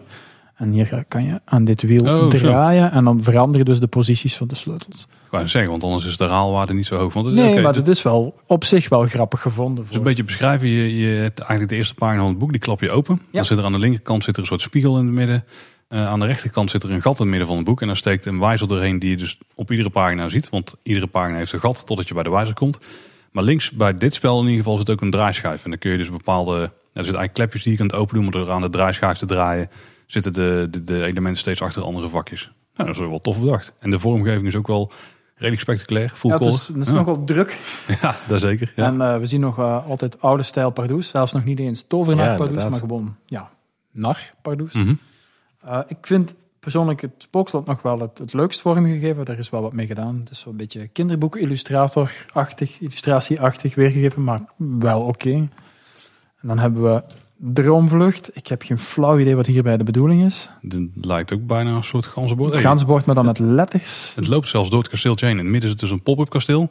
En daar lopen wel wat eh, vakjes naartoe. Of zou dat het Ja, eindpunt zijn of zo? Zou kunnen. Het is eeuwig geleden dat ik de regels nog heb gelezen. En ik denk, je moet vragen beantwoorden met, want ik zie hier staan, je hebt dier, beroep, hobby, Efteling of eten en drinken. Dus ik denk dat je zo'n categorie kiest en dan moet je iets noemen met die letter en dan mag je terug vooruit of. Ja. Waarschijnlijk gaat het, gaat het zoiets zijn. Puur afgelezen van, van, van wat ik kan ontwagen uit de bordstructuur. Dat is best goed design dan. Dat te- te- effectief design. Ik vind het ontiegelijk lelijk, eerlijk gezegd. Maar, Het is niet helemaal maar het is, zal, wat het dient, zal het, zal het best oké zijn. Nou, de pagina daarna dan de klap langnek eruit is. Met zijn gezwel. Juist, dit lijkt me eerder echt een klassiek eh ganzenbord. zijn. Ja, wel met een paar afslagen en zo. Hè? Ja, maar die heb je in de ganzenbord ook wel. Je mag, eh, dus, eh, je kan als je op de vliegende Fakirland mag je, vliegt hij zogezegd met je van één vakje alvast naar het andere vakje. Of gaat hij met Ja, je terug ja, ja. enzovoort. En dan bij Fata Morgana, daar ga je echt langs alle scènes van, van de attractie. Maar eh, dan moet je vragen beantwoorden van al de spelers. Bijvoorbeeld, wie knutselt het meest? Wie spreekt de meeste talen? Wie is het laatst verhuisd, zie ik hier staan? Wie is de grootste druktemaker? Wie kletst het meest? Wie heeft mij het laatst gezien? Dus dat zegt in dit geval de tijger die naar je brult in de attractie. Dus ja, het lijkt Ook me... hier wel tof, want in het midden van de pagina's er komt dus een soort, eh, er komen twee gebouwtjes naar boven. En daar, ga je dus, daar loop je dus ook weer doorheen met je pionnetje. Ja, dus het, het, het bootst een beetje het verloop van de attractie na. Alleen als ik me goed herinner, staat hem verkeerd om. Dus de tekening met de gin staat aan de kant van eh, de roepende man die je waarschuwt voordat je de krokodillentunnel ingaat. Dus Kief, het kief moet- niet verder. Ja, dus je moest eigenlijk andersom staan. Zie je, want hier is het valhek. En dan de laatste pagina met De laatste pagina's zijn de spelregels en daarin staat telkens ook, je, je kan ze ook andersom lezen, want daarvoor dient de spiegel. Het staat in het spiegelbeeld, dus eh, lekker handig. Ja, ah, oké. En eh, ja, en dan hier uiteindelijk de laatste, laatste pagina, daar heb je de pionnetjes die je voor elk spel kan gebruiken. Ja, Best eh, innovatief in elkaar gezet. Zeker, maar het moet, het, moet het vooral hebben van de presentatie, denk ik. Zo. Het, is, het is een leuk idee. Ik bedoel, een boek met verschillende spellen en, met pionnetjes en met vier spellen in één. Dus het is zeker en vast een, een tof souvenir geweest. en je kunt het makkelijk meenemen. Ja, En ook als je in het hotel of zo zit, en je neemt het ook makkelijk mee. Ja. dat is wel slim bedacht, ja. Yes. Het blijft maar doorgaan met spellen van Pardoes. Want het volgende spel, ook uit 2002, is Pardoes de Sprookjesmeester. Dit lijkt wel meer voor de Efteling ontworpen spel te zijn. Het doel is in ieder geval dat je dan drie sprookjes verzamelt. En dat je als eerste terug bent in de sterrenkamer. Want dat lijkt een beetje het uitgangspunt te zijn in het midden van het bord. En welke sprookje je moet verzamelen, dat hangt dan af van een opdrachtkaart die je in het begin krijgt. Dus dat is voor ons denk ik wel een bekend spelmechanisme. hè? Dat Yes, je inderdaad. voor de afwisseling eh, Ja. iedereen een ander doel krijgt. Je hebt hier verschillende rijken, zie ik. Dus je hebt het rode rijk, het witte rijk, het zwarte rijk, het blauwe rijk, het gele rijk en het groene rijk. Dus Ja, dit klinkt nog wel als een interessant spel. maar dit die heb ik nooit gespeeld. Nee. misschien thematisch misschien een beetje moi, moi, moi. Maar qua, qua gameplay en herhalingwaarde zit hier, is hier wel wat werk in gestoken. Ja, ja, ik hou er wel van, want je hebt dan dus doelen die anderen niet weten. Dus je kunt anderen ook een beetje dwars zitten door bepaalde dingen te doen die hun misschien moeten doen. Mhm. Waar je zelf dan niet direct iets aan hebt. Maar daarnaast kun je ook je eigen doelen nog spelen. En daar is inderdaad altijd wel een leuk element te spelen. Ja, dat is waar. Ja, en dan hebben we nog het sprookjesspel. Daar is dus later die sprookjesboomversie van uitgekomen. Ja, dat, dat is meer een spelletje, het lijkt een beetje een combinatie te zijn van memory en een beetje geluk met dobbelen Ja. dat je op vakjes terechtkomt. Lijkt er inderdaad op als ik het zo lees. En er staan in ieder geval boompjes op het spelbord en daar liggen dan voorwerpen onder en die moet je dan verzamelen. Mhm. Volgens mij heb je wel dan weer opdrachten over welke je moet verzamelen, maar eh, je moet dus vooral goed onthouden als iemand anders bijvoorbeeld iets omdraait van wat zit er nou onder het vakje. En dan moet je daar dus weer naar terug manoeuvreren. Ah, juist. En dan kun je op die manier alles verzamelen. Dus eh, wel een beetje gericht op kinderen, denk ik. Eh, en dit is dus zo'n spel, eh, zoals we eerder al aanhaalden. Het was eerst een sprookjesbosspel. Toen met het sprookjesboomspel. Maar dit heeft Ravensburgers blijkbaar ook uitgegeven als eh Sagaland. Misschien dat mensen dat dan kennen. Ja, dat zegt me wel wat, inderdaad. Eh, zijn dat ook niet de makers van Elfenburg? En wat heb, je, wat heb je nog allemaal? Dat zegt me wel wat. De naam Ja, Ravensburgers is een van de grootste gezelschapsspel-uitgevers van Nou, ze zijn, er zijn, Europa in ieder geval. Ja, ja, ja. Ravensburger, dat die niets met Ravelijn hebben gedaan. Gemiste kans. Ja, ja. Dat ze dingen gewoon hebben geclaimd. Daar Juist. hebben we een idee van liggen. Sagaland. En dan katten we het gewoon om. Dan krijgen we weer het volgende spel. En die hebben we volgens mij hier ook op tafel liggen. Het Sprookjes Mysteriespel. ja. En dat was toen gekoppeld aan die eh, actie die ze toen hadden. Die redelijk grote... grote Ja. actie. Hè? Dus dat er, eh, dat er zeven eh, objecten verdwenen uit het Spookjesbos. Ehm, en ja, daar is ook een, eh, een spel van uitgebracht. Ehm, ik heb het hier eh, toevallig bij me. Net, net even uit plastic gehaald. Nog uit het plastic. eh. Gloednieuw uit 2009. Ja, goed nu uit in 2009. Ehm, en in principe wat je moet doen, ehm, het doel van het spel zeg ik altijd zo, is winnen. Makkelijk zat, maar ehm, eigenlijk eh, dat je zoveel mogelijk sprookjeskaarten moet verzamelen. Dus eh, er zitten een aantal heksenkaarten tussen en dus van elk sprookje zitten er eh, vier kaarten in. En je moet proberen zoveel mogelijk Oh juist, dus een soort van kwartetprincipe, maar dan met de sprookjes-items. ja, met sprookjes-items inderdaad. En er zitten ongetwijfeld wat, eh, wat ja, best kaarten tussen. Oh, oké. Dus dat is, net, dat is wel iets anders dan echt klassiek memory. Ja, Het zijn wel ook toffe foto's die erop staan. Ja. Ik heb hier bijvoorbeeld de klok van de wolf en de zeven geitjes. Allemaal met en een fish Geitje lens gefotografeerd, lijkt het wel. Deze wel, ja. Ja. Wat kan je als je de heks hebt? Eh, als je de heksenkaart hebt, ik lees eventjes vanuit eh, de regels voor. Ehm, als je de heksenkaart pakt, moet je die houden. De speler die aan het eind van het spel de meeste heksenkaarten heeft, krijgt één strafpunt. Ze hebben twee of meer spelers evenveel heksenkaarten, dan krijgen, krijgen die spelers allemaal één strafpunt. Als alle sprookjeskaarten zijn verdeeld, wint de speler met de meeste punten. En hebben twee spelers evenveel kaarten van het sprookje, dan krijgen ze daar geen punten voor. En hoe kom je dan aan kaarten? Die moet je gewoon de stapel afhalen. Dat zou heel simpel zijn. Nee, nee, nee, je legt ze in principe uit en ehm, je pakt om eh, elke keer eh, twee kaarten. En als die bij het, eh, van hetzelfde sprookje is, dan mag je die kaart houden. En als het niet is, dan moet je ze weer Oh, dus dat is wel echt klassiek memory. En dan hebben we wel de Ja. heks die er ook bij is. Precies. Ah, oké. Maar deze is dus ook weer uitgegeven door Identity Games. Oh, dat was dit denk ik de eerste. Ah, juist, dat zou eens goed de eerste kunnen zijn. Ja, want het volgende spel is namelijk Joris en de Draak. Dat is 2010. juist, juist, juist. En die had je ook gespeeld, hè? Die heb ik wel gespeeld. Dat is voor mij al heel, heel lang te- geleden. heel, heel, heel, heel lang geleden. Ehm, ik weet niet exact de regels van meer. Eh, ik weet wel dat er nog wel een circulair bord was. Mhm. Ehm, maar verder voor de rest... eh, Onderweg verzamel je de krachten van vuur en water en vecht je met andere ridders en volg je je eigen route. Vergeet niet een helm, schild en zwaard te verzamelen voor je in gevecht gaat met de draak. De eerste speler is degene die de draak verslaat. Ja, volgens mij, ik heb hier inderdaad ook wat over gelezen. Dit, eh, je hebt dan een, een cirkelvormig bord met daar verschillende sporen in. En je kunt daar dus routes overheen volgen. En je moet inderdaad een paar voorwerpen ophalen en dan het midden. En dan kun je pas eh, met de draak gaan vechten. Maar het kan natuurlijk zijn dat iemand anders hetzelfde voorwerp al weghaalt. eh, en dan, oh juist, oké. klinkt, wel, klinkt wel redelijk tof eigenlijk. En wat doet de draak verder zelf ook nog iets? Of Eh, ik weet niet of het eh, zeg maar tweeledig is. Eh, bij Ravelijn is dat wel zo. Ja. Maar daar komen we denk ik zo meteen wel op. Dat je het bord moet, misschien moet omdraaien. Nee, nee. Maar dat weet ik niet helemaal zeker. nee? Nee, bij deze niet. Bij deze is dat niet oké. Oké. En je moet waterkaarten, vuurkaarten verzamelen. En op de water- en vuurkaarten staan dan cijfers over een verzameling van zwaard, helm en schild. En dan vermoed ik dat je de juiste combinatie van, van vakjes of kaarten moet verzamelen. eer dat je sterk genoeg bent om de draak te verslaan. Dat is hoe ik het nu begrijp. Maar hoe water en vuur daarmee te maken heeft, En het is in ieder geval wel een goed voorbeeld van een spel waarbij het thema wel terug is gebracht in de spelelementen. dat sowieso.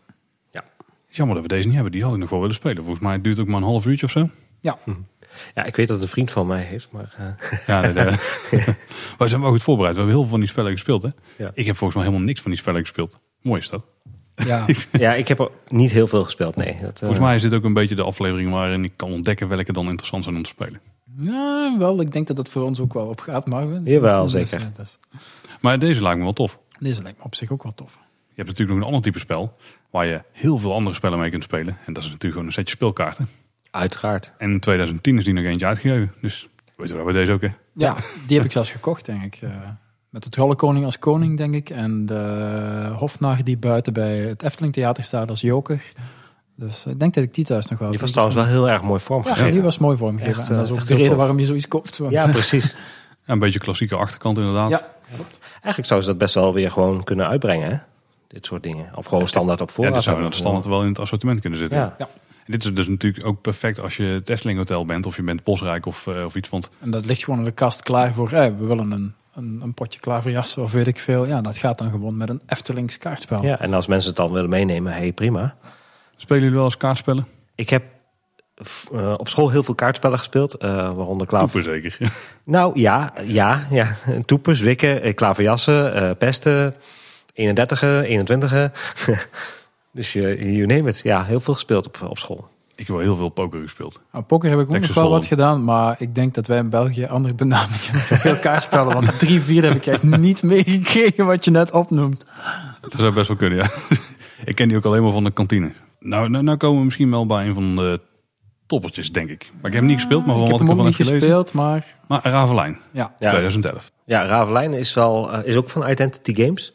Ehm, het is in eerste instantie een spel waarbij je eh, eh, samen eh, speelt, zeg maar. eh, artefacten eh, probeert te halen. Coöperatief. Coöperatief, inderdaad. Ehm, en waarbij je dus eh, graffers moet verslaan. Ehm, en als dat eenmaal eh, duidelijk is, dan, wordt, dan draait het spel zich zeg maar om. Ja, je draait letterlijk het spel wordt om. Het spel wordt om en dan wordt het dus een 1 tegen alle. ja, dan wordt het een asymmetrisch spel. Ja, dus. precies. En dan moet je dus, eh, hè, eentje wordt dan graaf Olaf en de andere die moeten dan proberen graaf Olaf te verslaan. En eh, Olaf probeert, probeert de ridders te verslaan. Oh juist, ik lees hier dat degene die aan de eerste zijde het, het laatste stond, dus de achterligger zeg maar, die wordt op de achterzijde graaf Olaf en heeft dus alsnog kans om het spel te winnen als graaf Olaf. Ja, En er zit heel veel in dit spel wat me wel aanspreekt, toch? Het is sowieso coöperatief. Eh zo voor een Efteling gerelateerd spel heel tof natuurlijk. Uiteindelijk is er namelijk één iemand die wordt dan wel de, de vijand.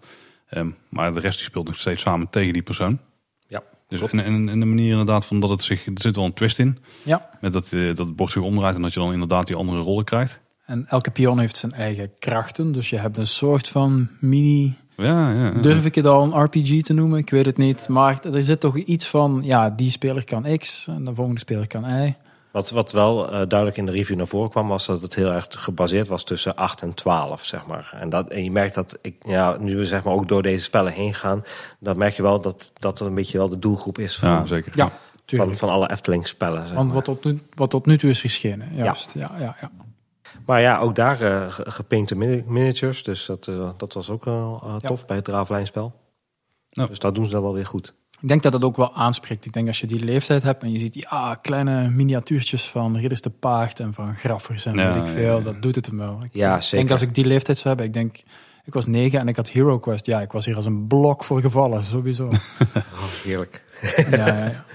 Ook hier wel denk ik thema en eh de spelmechaniek, spelmechaniek goed voor boven. Wel, ik heb het niet gespeeld, dus ik weet niet wat de, wat de replay value is. Maar er is zeker en vast wel wat verder nagedacht. Er is eh, absoluut bekeken van eh, wat, wat zijn de rollen van, van, die, van die vijf ridders. En hoe kunnen we als de, als de laatste speler achterligt, hoe heeft die alsnog kans om te winnen? Dus dan heb je alsnog wel een, een mogelijkheid om het spel wat meer uit te balanceren. En dan heeft iedereen wel eens een, een kans om, eh, Ja. om aan de top te staan. Ja, en ik denk op zich wel dat, voor zeker als je dan tussen 8 en 12 bent, zeg maar, weet je, dan is dit denk ik een heel leuk spel. Mhm. Eh, misschien voor de, hè, de, de diehard board gamers. Ja, daar- daar is het ook niet op gericht, Nee. denk ik. Dus Nee, precies. Maar het is wel, het is wel een leuke kennismaking. Ja. Om, om, Ja. Zeker voor dat soort jeugd. Om, eh, om, eh, Oh, het- ik, ik noemde daarnet Hero Quest. Dat was voor mij heel belangrijk om, eh, om meer en meer en meer grotere spellen te ontdekken. En dat is uiteindelijk ook een super simpel spel. Maar het triggert zoveel van, van je verbeelding. En ik denk, met, op de juiste manier kan zo'n spel van de Efteling dat zeker ook doen. Dus, Ja. eh, ja. absoluut. Dan hebben we het volgende spel. Deze moet je al aanspreken, Marvin. De grote Efteling kennisquiz. Ja, zeker. Die heb ik ook trouwens wel gespeeld. Oh ja, al, die, eh, heb ik, eh, die heb ik aardig wat treinuurtjes mee, mee gesleten in de tijd. eh. ja, met eh, vragen en ja, moet je beantwoorden. Hè? Een beetje vermoeden, ja. Ja, ja. Had ook een mini triviant bordje met een pion, als ik me niet vergis. En met vijf kleuren. En, Dat zou heel goed kunnen. en dan moest je van die lachende of wenende fiches verzamelen. Eh, dat staat me er toch nog van bij. Ik heb hem thuis liggen hoor. En ik heb hem ook een aantal keer gespeeld. Maar het is alweer even geleden. Het was voor 60 jaar Efteling denk ik dat die is uitgekomen. Ja, Ja. klopt. Ik zie wel een patroontje. Ja, 50 ja, ja. jaar Efteling, 60 jaar Efteling. Gaan we er over een paar jaar weer in krijgen. Vast wel. Ik verwacht het.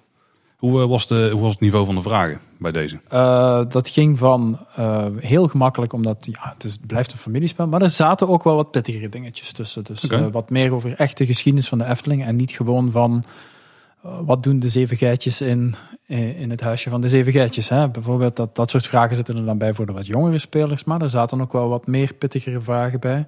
Waar- waarbij denk dat het niet zo diepgravend ging geweest zijn als de vijf zintuigen pubquiz of de vijf zintuigen quiz.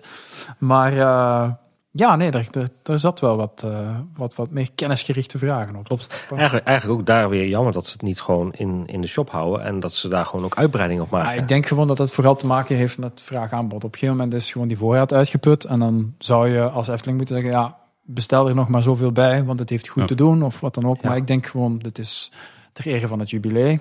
Dus we bestellen er aan x aantal.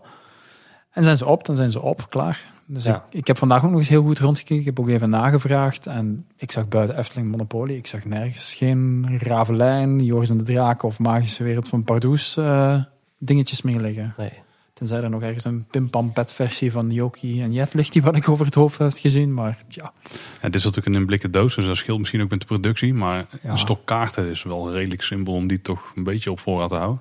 Ja wie weet. Maar Ja. kaarten produceren, eh, ik weet de grootste spellenproducent, of spellen wat zeg ik, kaartenproducent, die liggen in Turnhout. En die doen werkelijk alles. Die doen echt wel alles. Maar als je daar je kaart wilt laten produceren, dan betaal je een aardige duit. Ja, wat, wat, wat voor bedragen moet je dan aan denken? Goh, eh, dat durf ik zo uit eigen ervaring niet zeggen. Maar eh, ik weet dat je dan... bedragen per, per kaart valt het nog wel bij mee. Maar ik denk het gaat hem vooral om oplagen. Dus eh, ik gaf er straks aan Paul een voorbeeld van... Ja, je kan bijvoorbeeld zeggen van... Ah, het kost bijvoorbeeld maar 15 euro om een spel daarvan... of een reeks kaarten te produceren... op voorwaarde dat je 10.000 exemplaren afneemt in één keer. Minimaal. Ja. Dus die moet je daarna ook nog wel zien kwijt te geraken. Ja. Nou, de Efteling eh, 10.000. Ja. Ja, dat lijkt me Ja. stug. In de loop der jaren misschien zou het En lukken. dan moet je je vragen ook nog een beetje up-to-date zijn. Zeker bij van dit soort triviant-dingen eh, is het heel voornaam. Kijk maar naar spellen zoals ja, het originele triviant of Besserwisser. Het staat hem valt met hoe courant je vragen nog zijn. Hè? Dus eh, Nou, het hier oude triviant spelen is meestal niet zo heel leuk. Dan zie je er op een paar punten van af. Dan hebben we de magische wereld van Pardoes. Dat is het laatste grote bordspel. Tenminste, meer echt Efteling. ehm, georiënteerd. ja, want we hebben natuurlijk daarna nog wel het Monopoly-spel. Maar dit was echt met het thema van de Efteling over één attractie. Dit was ook in de tijd dat er geruchten waren van Harthof. En uiteraard ook eh, de De tv-serie. tv-serie, ja, want Dus- daar is het ook op gebaseerd. Ja. Ik, ik denk echt dat, dat ze, dat ze in, die, in, in die aanloop naar Hartenhof hebben gezegd... ja, en er gaat een tv-serie zijn en, en, en. Dus we moeten ons, ons, ons merk Pardoes op deze manier, zoals we hem nu introduceren, gewoon levend houden. Dus vanuit dat opzicht is het maar wat logisch dat je in je souvenirlijn dan ook een, een spel met die naam, de magische wereld van Pardoes, lanceert. Ja, je, je ziet eigenlijk wel ook dat dat een, tijdens Ravelijn al zeg maar gebeurde. Hè? Dus dat, je, dat ze echt heel veel mul- multimediaal gingen. En een boek en een tv-serie en een online game. En, dan, en dus nu ook dan een bordspel. Dus ja, wie weet dat het gewoon wel gewoon vervolgd is, zeg maar. Klopt. Friede wat wil ze. Ja, Het is wel opvallend dat dus Ravelijn en Joris en de Draak...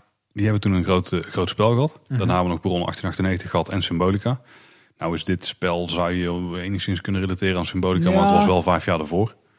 Dus ze ze zijn er wel van. Ze leken wel eerst bij iedere grote attractie een, een spel uit te brengen... maar daar zijn ze toch een beetje van afgestapt. ik, ik weet ook niet hoe succesvol de afname van, van deze, of, of het heeft geleefd. En dat is de vraag die ik me dan direct stel, is van, speel je die dingen überhaupt meer dan één keer? Als je ze één keer hebt gekocht. En dat gaat hem los van over of het een leuk spel is of niet, dat is subjectief. Maar het, een spel dat echt een herhalingswaarde heeft en, en dat echt gekoppeld is aan een attractie, dat zorgt er net voor dat je dat, je dat, stukje mee naar dat stukje beleving terug mee naar huis neemt en het echt opnieuw kan beleven. Dus als je daar wat op inzet als developer, of op kan inzetten als developer, dan denk ik dat je echt een, een meerwaarde kan bieden. Maar bij dit soort games voel ik dat niet. Ik heb echt eerder het idee van, ja, het maakt gewoon deel uit van de productlijn die we hebben en waarvan we nu graag... Het klinkt heel cynisch, maar er is het boek van Ravelijn, er is de t-shirt of eh, de, de playset of wat, wat dan ook. En dus ook het bordspel van Ravelijn. Het past, het past gewoon in het rijtje, maar het is niet noodzakelijk bedoeld om om echt te beklijven buiten wat het biedt. Ja, ik denk ook wel wat je, wat je eerder zei. Uh, weet je, als je kijkt naar Joris en de Draak en Ravelijn, weet je, beide ridders, draken, hartstikke mm -hmm. leuk. Um, spreekt, spreekt de doelgroep ook aan. Miniatures, hartstikke leuk. Dus het is dan misschien ook sneller van, oh weet je wat, we kopen het. Ja. Maar, mag, mag ik het hebben? Het, ja. ding is, wat je nu aanhaalt is wel een goeie, want het is vrij stoere jongens georiënteerd ja. allemaal. Dus ik, ik kan me voorstellen dat je dan maar 50% van je doelgroep aan het aanspreken bent.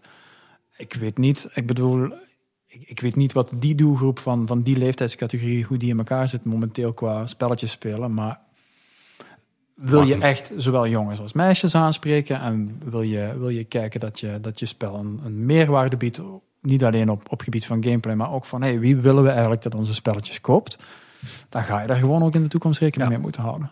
Het is wel denk ik dat de jeugd van tegenwoordig echt heel erg in de Minecraft en de Fortnite en zo zit. Juist. Uh, maar ik zie zelf al toch een soort revival van boardgames. Oh, absoluut, al een aantal jaar. Maar, maar ja. misschien is er ook wel de leeftijdscategorie waar wij ons een nou, beetje in bewegen. Ja, de, de digitale detox. het is wel grappig wat je dat aanhaalt. Want um, ik ben er een tijdje uit geweest, hè, ook uh, qua boardgames. En uh, op een gegeven moment werd ik door een vriend meegevraagd van... joh, weet je, gewoon, weet je naar speel? En ik had echt zoiets van, ja, weet je, pff, uh, bordspellen, wie speelt het nu nog? Ik bedoel, hè, online gaming, dat is het, het ding. En als je dan toch op speel rondloopt, weet je, en je komt daar aan en alle parkeergarages zitten vol, omdat ze, omdat hè, 9 uur opent de beurs. Ja, en je loopt door zeven messenhallen vol met bordspellen. Oké, dat had ik eigenlijk niet verwacht, weet je. En, en, ik merk ook steeds dat, dat meer mensen bordspellen gaan spelen. Je ziet het steeds meer terugkomen. Ja, het is misschien ook wel dat je je omgeving een beetje aansteekt. Dat ook wel, denk ik. Want je hebt dan tips voor mensen of die, die denken van, wat moet ik nou doen? Ja. Of, of iemand waar je vaak... Want dat hebben wij, wij hebben dus heel veel Catan gespeeld. Ik met een paar groepjes mensen. Mm -hmm. En uh, ja, als ze dan weer een ander spelletje zoeken, ja, dan kun je ze nog wel eens aan iets helpen, zeg maar. Maar het is ook misschien wel een beetje dat als je jezelf omringt in zo'n wereld, dan is het net dat heel de rest van de wereld, dat die er iets om geeft, zeg maar. Ja. Voor in mijn wereld is de helft van de mensen die kennen is Efteling fan, bij wijze van spreken. Ja, juist op die manier. Ja. Maar dat is natuurlijk niet hoe het... Nee, uh, maar ik, ik, wat je zegt is wel herkenbaar. Want ik moet zeggen dat um, ik He, op een gegeven moment, je, je post altijd wel wat foto's op Facebook. Oh, we zijn bezig met mentions of whatever. En dan komen mensen van, oh, dat is eigenlijk wel leuk. Hè? Wanneer zullen wij eens een keer uh, bordspellen doen? Dat soort dingen. Ja, het werkt aanstekelijk. Het werkt ja. heel erg aanstekelijk, ja. ja. Ja, zeker. Het ziet er toch altijd wel gezellig uit, weet je. Dat, dat, dat is wel het effect wat het ja, heeft. dat is ook wel het doel achter die spellen. ja. We dwalen een beetje af, want het ging over het, de magische wereld van Pardoes. De styling is dus die van die face characters van Pardoes. Dus die niet geslaagde variant eigenlijk ervan, die dus ook... Ik denk dat die uiteindelijk ook in Harthof een beetje zo terug moeten komen. Maar in ieder geval dus de manier waarop ze ook in die tv-serie zaten. Ja. Ik denk dat we blij moeten zijn dat we daar niet bij zijn blijven hangen. Maar het was wel een nobel streven. Uh, nou, hoe het een beetje werkte, je kon kiezen uit twee verschillende type karakters. Dus de goede en de slechte karakters. En het doel was uiteindelijk om als eerste op een bepaald vakje te komen. Dus aan het einde van het spel. Uh, je moest gewoon dobbelen, kom je op je vakje terecht. Dan was het afhankelijk van of dat je goed of slecht was. Uh, betekenen bepaalde vakjes iets anders. Dus als je goed was, dan mocht je bij een twinkel mag je naar voren. En bij een bliksemschicht moest je terug. En bij een slecht karakter is precies andersom. Bij een bliksemschicht mag je verder naar voren. Juist. En bij een twinkel moet je terug. Je kunt dan ook in duel komen met je medespelers. En dan uh, komt er nog een soort uh, steen, papier, schaar uh, concept om de hoek kijken met hout, vuur en water volgens mij. Juist. Ja. Nou, als je bij elkaar op een vakje komt, kom je dus in duel. Maar ook bij bepaalde vakjes dan ga je ook gegarneerd in duel. En nou, zo moet je een beetje tot het einde bewegen. Dus niet super ingewikkeld als ik het zo hoor. Maar ja, het klinkt wel leuk inderdaad. Ja, het klinkt niet echt als iets wat per se bij Pardoes hoort. Maar het feit dat je die goede en slechte karakters hebt, is wel een leuke twist. Ja, zeker. Ik denk ook dat dat misschien ook de reden is dat je het nu niet meer ziet. Want Radar en Pantago spelen geen actieve rol momenteel in, in Nee. hoe Symbolica, of tenminste de wereld van Pardoes nu bestaat. Nee, volgens mij staan ze nog wel op, eh, dat weet ik trouwens niet zeker, maar op de placemats bij Polles Keuken. Het zou kunnen. Ja, volgens mij staan ze daar wel inderdaad. Dit hele concept van Pardoes is die met die face characters is gewoon niet geslaagd. Die reden is meer realistische uitvoering. En uh, wat mij heel erg opviel bij dit spel, want ik heb hem bijna gekocht. Uh, want dat was omdat ze op een gegeven moment echt voor nou, 10 euro misschien nog wel minder uh, in stapels in uh, Efteldingen lagen. En ook bij, uh, bij de Lutiek. Uh -huh. En toen heb ik er bijna in meegenomen. Al met het idee van, dan kan ik misschien ooit de podcast over opnemen. Nou, bij deze. Maar toen waren we nog niet, nou, toen waren we nog niet begonnen met kleine boodschappen. Dus ik heb, uiteindelijk heb ik het niet gedaan. Af en toe ben ik best zuinig. Um, en dan zijn we er eigenlijk wel, behalve dan natuurlijk het grote Efteling Ja. Wat vorig jaar is uitgekomen. En dat is eigenlijk het laatste Efteling bordspel. Ik denk aan de ene kant wel een gouden combinatie. Monopoly en Efteling. Als in twee grote namen. Dus de, Sowieso twee brands die, die, die iedereen kent. En ik, ik denk dat ik, was het, nee, ja, het zal in november zijn geweest eh, toen het pas uit was. En toen lag het er, toen lag het ook net, net in de rekken. En ik hoor echt een mevrouw in, eh, in de Marskramer gewoon roepen, oh, Efteling Monopoly. En gelijk je me naar de kassa loopt. Dus ik dacht, ja, dit is gewoon kassa. Dit is, dit is heel logisch dat je dit uitbrengt. Dus, eh, En het was ook best prijzig, hè? 50 euro. 50 voor- euro inderdaad, ja. klopt inderdaad. Ik weet niet of dat nou nog steeds kost. Ik weet wel dat een Efteling Jawel. ook een soort van eh, dakondersteunende constructie ligt van die spellen inmiddels. ja. Beste fixe stapel, eh, zeg maar. Maar ik denk wel dat het te doen heeft. Ik weet dat eh, de stad waar ik woon, Mechelen, heeft zijn eigen monopoliespel op de markt gebracht. En dat heeft waanzinnig te doen. Ik bedoel, het, Ja? is echt waanzin. Dat is wel, hoeveel mensen dat dit hebben gekocht. Ik heb het zelf niet hoor, maar, maar mensen kopen graag Monopoly blijkbaar. Omdat Monopoly bestaat ook in zoveel uitvoeringen. Zoveel. Je hebt Star Wars Monopoly, Game of Thrones Monopoly, Pokémon Monopoly, noem maar op. Je kunt er eender wat op plakken en iemand cadeau geven die zegt van, oh, jij bent fan van X, dus ik geef jou deze versie van Monopoly. En aan je andere vriend geef je Efteling Monopoly als Ja. die into Efteling is, weet je. Dus, eh, Ik vind dat Monopoly één heel groot nadeel heeft. Ik vind er echt geen reet aan. ja, wel, daar denk ik dat ik me wel bij aan mag sluiten. Ja, zeker. Ik, eh, Het is een spel. Kijk, je hebt in het begin eh, doe je een paar eh, zetten. En voor de rest is het een beetje afhankelijk van geluk. Maar als iemand een beetje begint uit te lopen, is hij ook echt onmogelijk Ja. meer in te halen. Absoluut. Nou, ik had toevallig het eh, laatste, eh, of ja, recentelijk nog met een collega daar eh, een gesprek over. En eh, inmiddels zijn er ook statistieken gewoon op online te vinden, hè, wat je dus als eerste moet kopen om te kunnen winnen. Ja. Dus bij deze tip van de. Ja, ja, Ja. ja. Wat is het?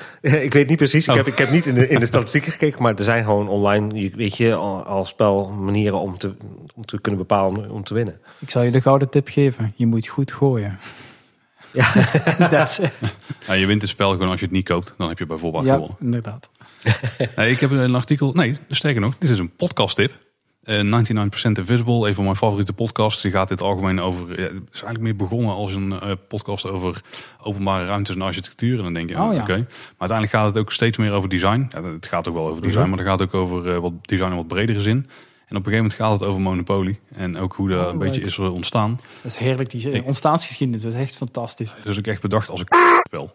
Als een, als een, ja, het is Als bedacht een- als een, als een educatieve game waarbij je eigenlijk bij voorbaat verliest. Als ik me Ja, goed waar, waar, waar- het, het heet ook Monopoly. Dus degene die het hardste gaat, die krijgt het Monopoly. En de rest is gewoon genaaid. Het Dat origineel is eigenlijk is, het hele concept van ons spel. Het was Ja. eh, een bepaalde beweging in de markt. Was het, eh het was, eh, het was origineel was het de Landlord game. En dat is bedacht door, nu kom ik er weer niet op haar naam, Elizabeth, als sla je me dood.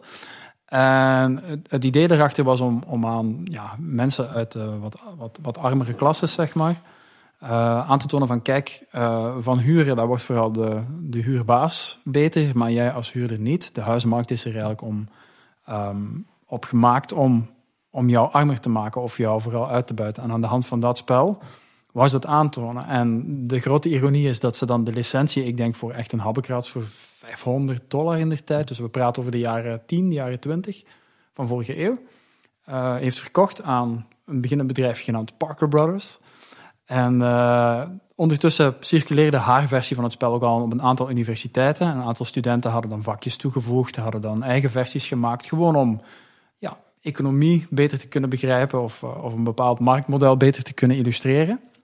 En op een gegeven moment is iemand eh, met het spel aan de haal gegaan en heeft Parker gezegd van eh, nee, nee, wij brengen onze eigen versie, want wij hebben de licentie wel. Dus wij brengen die eigen versie wel ondertussen opnieuw uit. En dat is het hedendaagse Monopoly. En er is sindsdien ook heel weinig aan veranderd. En de originele uitvindster heeft er eh, weinig tot niks aan gehad. Wat je wel vaker ziet in dat soort gevallen. Als je het verteld wil horen hebben, 99% Invisible aflevering 189. Die ook de Landlords Game heet. hey, kijk eens. En het, alle feitjes die je net noemt, die staan hier ook gewoon letterlijk in. Oh, kijk, kijk, cool. Dan ga ik zeker luisteren. Maar ik vind het spel zelf dus echt helemaal niks aan. Maar daar zit dus blijkbaar ook in de historie. Maar om een of andere reden is het wel een groot spel geworden. Goh, ik denk, eh, het, het was op een gegeven moment ook een van de nieuwere spellen, zeg maar. En die, ik, ik weet niet waarom het zo succesvol is geworden. Het is gewoon op een gegeven moment eh, dat spel geworden.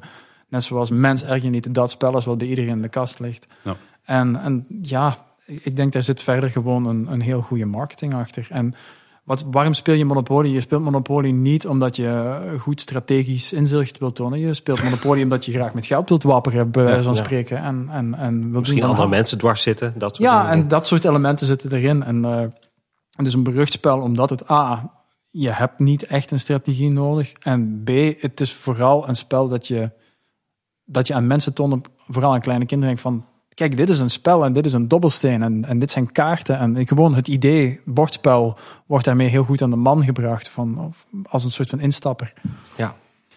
Hebben jullie ooit wel zo'n spelletje Monopoly helemaal uitgespeeld? Ja, zeker. Ja. Ja? Ja. Ja. Ik echt nog nooit. Ik heb het wel als kind veel gedaan. En inderdaad, het wapperen met geld. Of dat je met geld omging, dat was het meest interessante van het spel, vond ik. Weet je wat het meest waanzinnig is, wat ik nu net van Monopoly heb ontdekt? Het nieuwste product is een Monopoly Money Gun. Dus dat is een, een soort van schietgeweer waar je geldflappen in moet steken en kanskaarten. En dan moet je ja, dat in de lucht afvuren en dan schiet de hele kamer vol geld. En moet je zoveel mogelijk geld bij elkaar graaien en kanskaarten. En Wauw. Het is net zo'n slecht spel als het origineel. Ik zag, ik zag toevallig nog recentelijk eh, voorbij komen dat het nu ook een monopolie is met echt spel, met echt geld. Dat klinkt helemaal als het allerstomste idee ooit. Maar Eh, nee, er, er is een versie in. ah, ik weet nu niet wat is de grootste toy store in Amerika. Ik Kom er niet op. Toys R Us? Nee, nee, nee. Dus zo'n dat is een afkorting. Ik kom er even niet op. Het is een, uh, maakt ook verder niet uit. En die hebben dus een kamer waarbij je dus op een kristallen bord met, uh, gouden, met echt 24 karaats gouden figuren kan spelen. En je speelt echt met echt geld en echt met grote briefjes van duizend. Maar je moet het reserveren. Je, weet niet uh, of je ervoor moet betalen. Ik vermoed van wel. En er is altijd ook een, een security guard aanwezig die er nauwlettend op toeziet dat alle onderdelen weer netjes terug in de doos belanden. Maar dan mag je dus het duurste spelletje Monopoly ooit kan je daar in die winkel gaan spelen. Er is helemaal niks wat daar aantrekkelijk aan is voor mij. Nee, kijk, het, het, is een ding dat bestaat. Het is gewoon alles wat hier... Nou, Efteling nog een gat in de markt, hè. Richt de kamer, richt de kamer in het hotel in. Met een mooi kristallen bord erin en gouden speelstukken. Ja, een monopoliekamer. Ja. Oh, ja, nee, nee, alsjeblieft niet. Ik heb nog een paar stellingen. Die zijn dan gerelateerd aan de Efteling en board games of gezelschapsspellen. Uh, de eerste. Zou je liever uh, reskins willen zien van bestaande spellen in Efteling thema? Of heb je liever volledig nieuw ontworpen spellen op maat gemaakt voor een bepaald Eftelings thema? En ik denk dat dit wel een inkoppertje is. Oeh, ja, en toch vind ik hem best wel moeilijk als ik hem... Ik, ik bedenk me nu denk ik dat het ook best moeilijk is eigenlijk. als, als een spel gewoon goed is, dan zeg ik van ja, weet je, origineel ontwerp hartstikke goed. Maar daar gaat gewoon jaren aan tijd in zitten. En ik weet niet of de Efteling dat überhaupt zou willen doen, kunnen doen. Um, en anders, ik denk dat van reskins best, best oké okay is. Ik bedoel, ik, toevallig zag ik deze ochtend nog gewoon um, een, een, hele toffe versie van Levensweg. Maar dan in Haunted Mansion versie van Ja, Disney. Dat is wel humor. Gewoon omdat het kan. Ja. vond, vond ik echt gewoon heel leuk. Uh, Cluedo in uh, Tower of Terror stijl. Dat, dat, dat soort dingen. Weet je, ik denk dat je daar best heel veel toffe dingen mee kan doen. Nou goed, uh, Europa Park heeft dan een, een betoverde doolhof. Maar dan in Slos Balthasar versie uitgebracht. Monopoly is vrij standaard in mijn, mijn ogen. Um, maar als je met Ravensburger daar gewoon om tafel gaat zitten, ja, daar kun je best heel veel toffe dingen mee doen. Ja. Heb je zo'n idee al erbij of iemand van jullie? Goh, uh, ik zou het niet erg vinden mocht er een Volk van Laaf versie komen van Stenen Tijdperk. Hmm. Een worker placement game met de lava. Ik zeg nu Stenen Tijdperk, maar het kan uiteindelijk elke type worker placement game zijn, maar die wat maar een beetje goed in elkaar steekt. Ik, ik zie daar wel wat in. Ik, ik weet het niet. Het, het heeft iets het heeft iets jolig, het heeft iets toegankelijk. Je, je, bent een dorp of een stad of ik weet niet wat aan het uitbouwen. Uh, je gebruikt de karakteristieke eigenschappen van de verschillende bouwwerken die we kennen van bij het Lavelaar. Je hebt wel als brouwhuis en daar bouw je elke ronde, kan je ervoor kiezen om, oh, ik brouw elke ronde zoveel liters uh, Laafse lurk. En die lurk kan je gebruiken om, weet ik veel, uh, je werkers sneller te laten werken of beter te laten werken of uh, juist, uh, weet ik veel, muurtjes schever te laten metsen of weet ik veel, ja. uh, om het helemaal in het thema te houden. Ik, ik, noem maar wat nu, ik ben echt maar aan het spitballen, maar dat zou ik helemaal niet erg vinden. wil je echt zeggen van ja, ik maak een, een Carcassonne versie van noem maar eender wat spel. Goh, ja, je kan het doen, weet je. Ik bedoel, maar dan moet je gewoon zorgen dat, je, dat het niet als een tang op een varken gaat slaan. Dat het gewoon wel een goede match heeft. Je hebt ook een spel en dan moet je mijnen bij graven. Uh, saboteur. Ja. Zou dat nog werken bij Bron 1898? Ja, waarom niet? Waarom niet? Ja. Ik, ken de, ik heb de regels even niet zo paraat, maar het klinkt wel als een aannemelijke ook- combinatie. Ja. Er staan ook aardig wat versies van Saboteur. Je denkt wel dat je, ehm, dat je met, een goede, met een goede vertaling van het thema Eh, en dat je de, de, wil- de witte wieven als, eh, als een soort van wild factor gebruikt in dat spel, daar kan je redelijk wat mee, kan je redelijk wat mee beginnen. Ja. Nee, ik denk, denk dat je er wel wat, eh, wat, mee, wat mee kan. Voor jou Maarten? Ik zou liegen als ik zou zeggen dat ik toch niet liever eh, nieuw gedesignde spellen zou zien. Eh, ik denk dat, ja, je- er is zoveel mee mogelijk, maar je moet het willen doen. En je moet, je moet echt een beetje je huismerk maken van, oké, wat hebben we? Wat, wat, wat staat er in de Efteling? En wat, wat is een beetje de achterliggende gedachte achter hoe een bepaalde attractie ook gebouwd is? Eh, wat, wat kun je er in principe ook mee doen? En dan ga je automatisch bij een aantal spelconcepten uitkomen, of een aantal mechanismen uitkomen die daar wel op aanleunen. Je kan het jezelf heel gemakkelijk maken. Ik bedoel, je kan zeggen van ja, sure, eh, je brengt een, weet ik het, ik noem maar wat, een, een Weerwolven van Wakkerdam uit met een bokkenrijdersthema en je, je linkt dat aan, aan Villa Volta. Het is zelf, denk ik, een belabberd idee, maar ja. maar het zou zomaar kunnen. Maar moet je dat willen als je ook echt zegt van... Goh, het verhaal van Villa Volta op zich is interessant genoeg om een, om een bordspel op te baseren. Fata Morgana heeft zo'n authentieke sfeer, heeft zo'n een, een zekere wereld er rond geschapen, dat je er echt wel, een, echt wel wat mee kunt doen. Wil je zeggen van, oh, ik neem een spel als Five Tribes, dat heeft een beetje een duizend en een nacht sfeer, en dat heeft gins, en dat heeft eh, wonderlampen, en noem maar op. En je trekt daar een, een Fata Morgana kleedje over. Ja, dat kan. Maar dan moet je het wel juist doen. Dan moet je het goed doen. En niet zo gewoon... En ik denk, als je zegt, ja, Efteling Monopoly vinden we slecht omdat we Monopoly niet leuk vinden. Maar wat, wat me daar nog het meest tegen de borst van stoot is...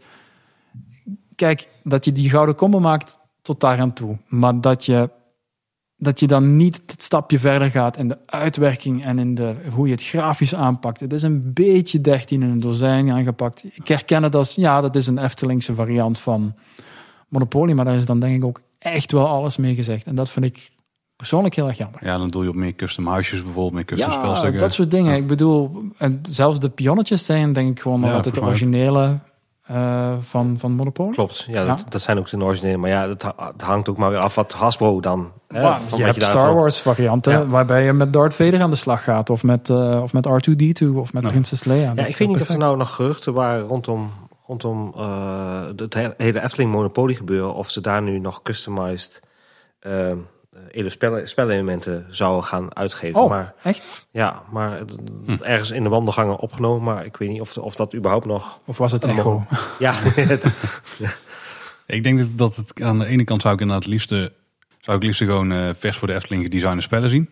Maar ik besef me wel dat het heel moeilijk is om dan echt met iets goeds te komen. En ik denk dat het ook moeilijk is, want wat je allerliefste ziet, het zou natuurlijk super mooi zijn, ook voor de Efteling, zeker als marketingmiddel. Mhm. Als je, een, als je de nieuwe, en dit is onmogelijk te bereiken, maar de nieuwe kolonisten van Catan of zo bent, weet je wel, met Efteling thema, waarbij het niet zo dik denk op niet ligt dat een ik denk niet attractiepark dat is. het onmogelijk is. Als je kijkt, Disney heeft dit jaar Villainous op de markt gebracht. Dus, en dat is niet gebaseerd op een attractie. Dat is niet gebaseerd op een, op een film die moet gaan verschijnen. Dat is gewoon, we hebben een tof spel gemaakt over de slechteriken uit de klassieke Disney films.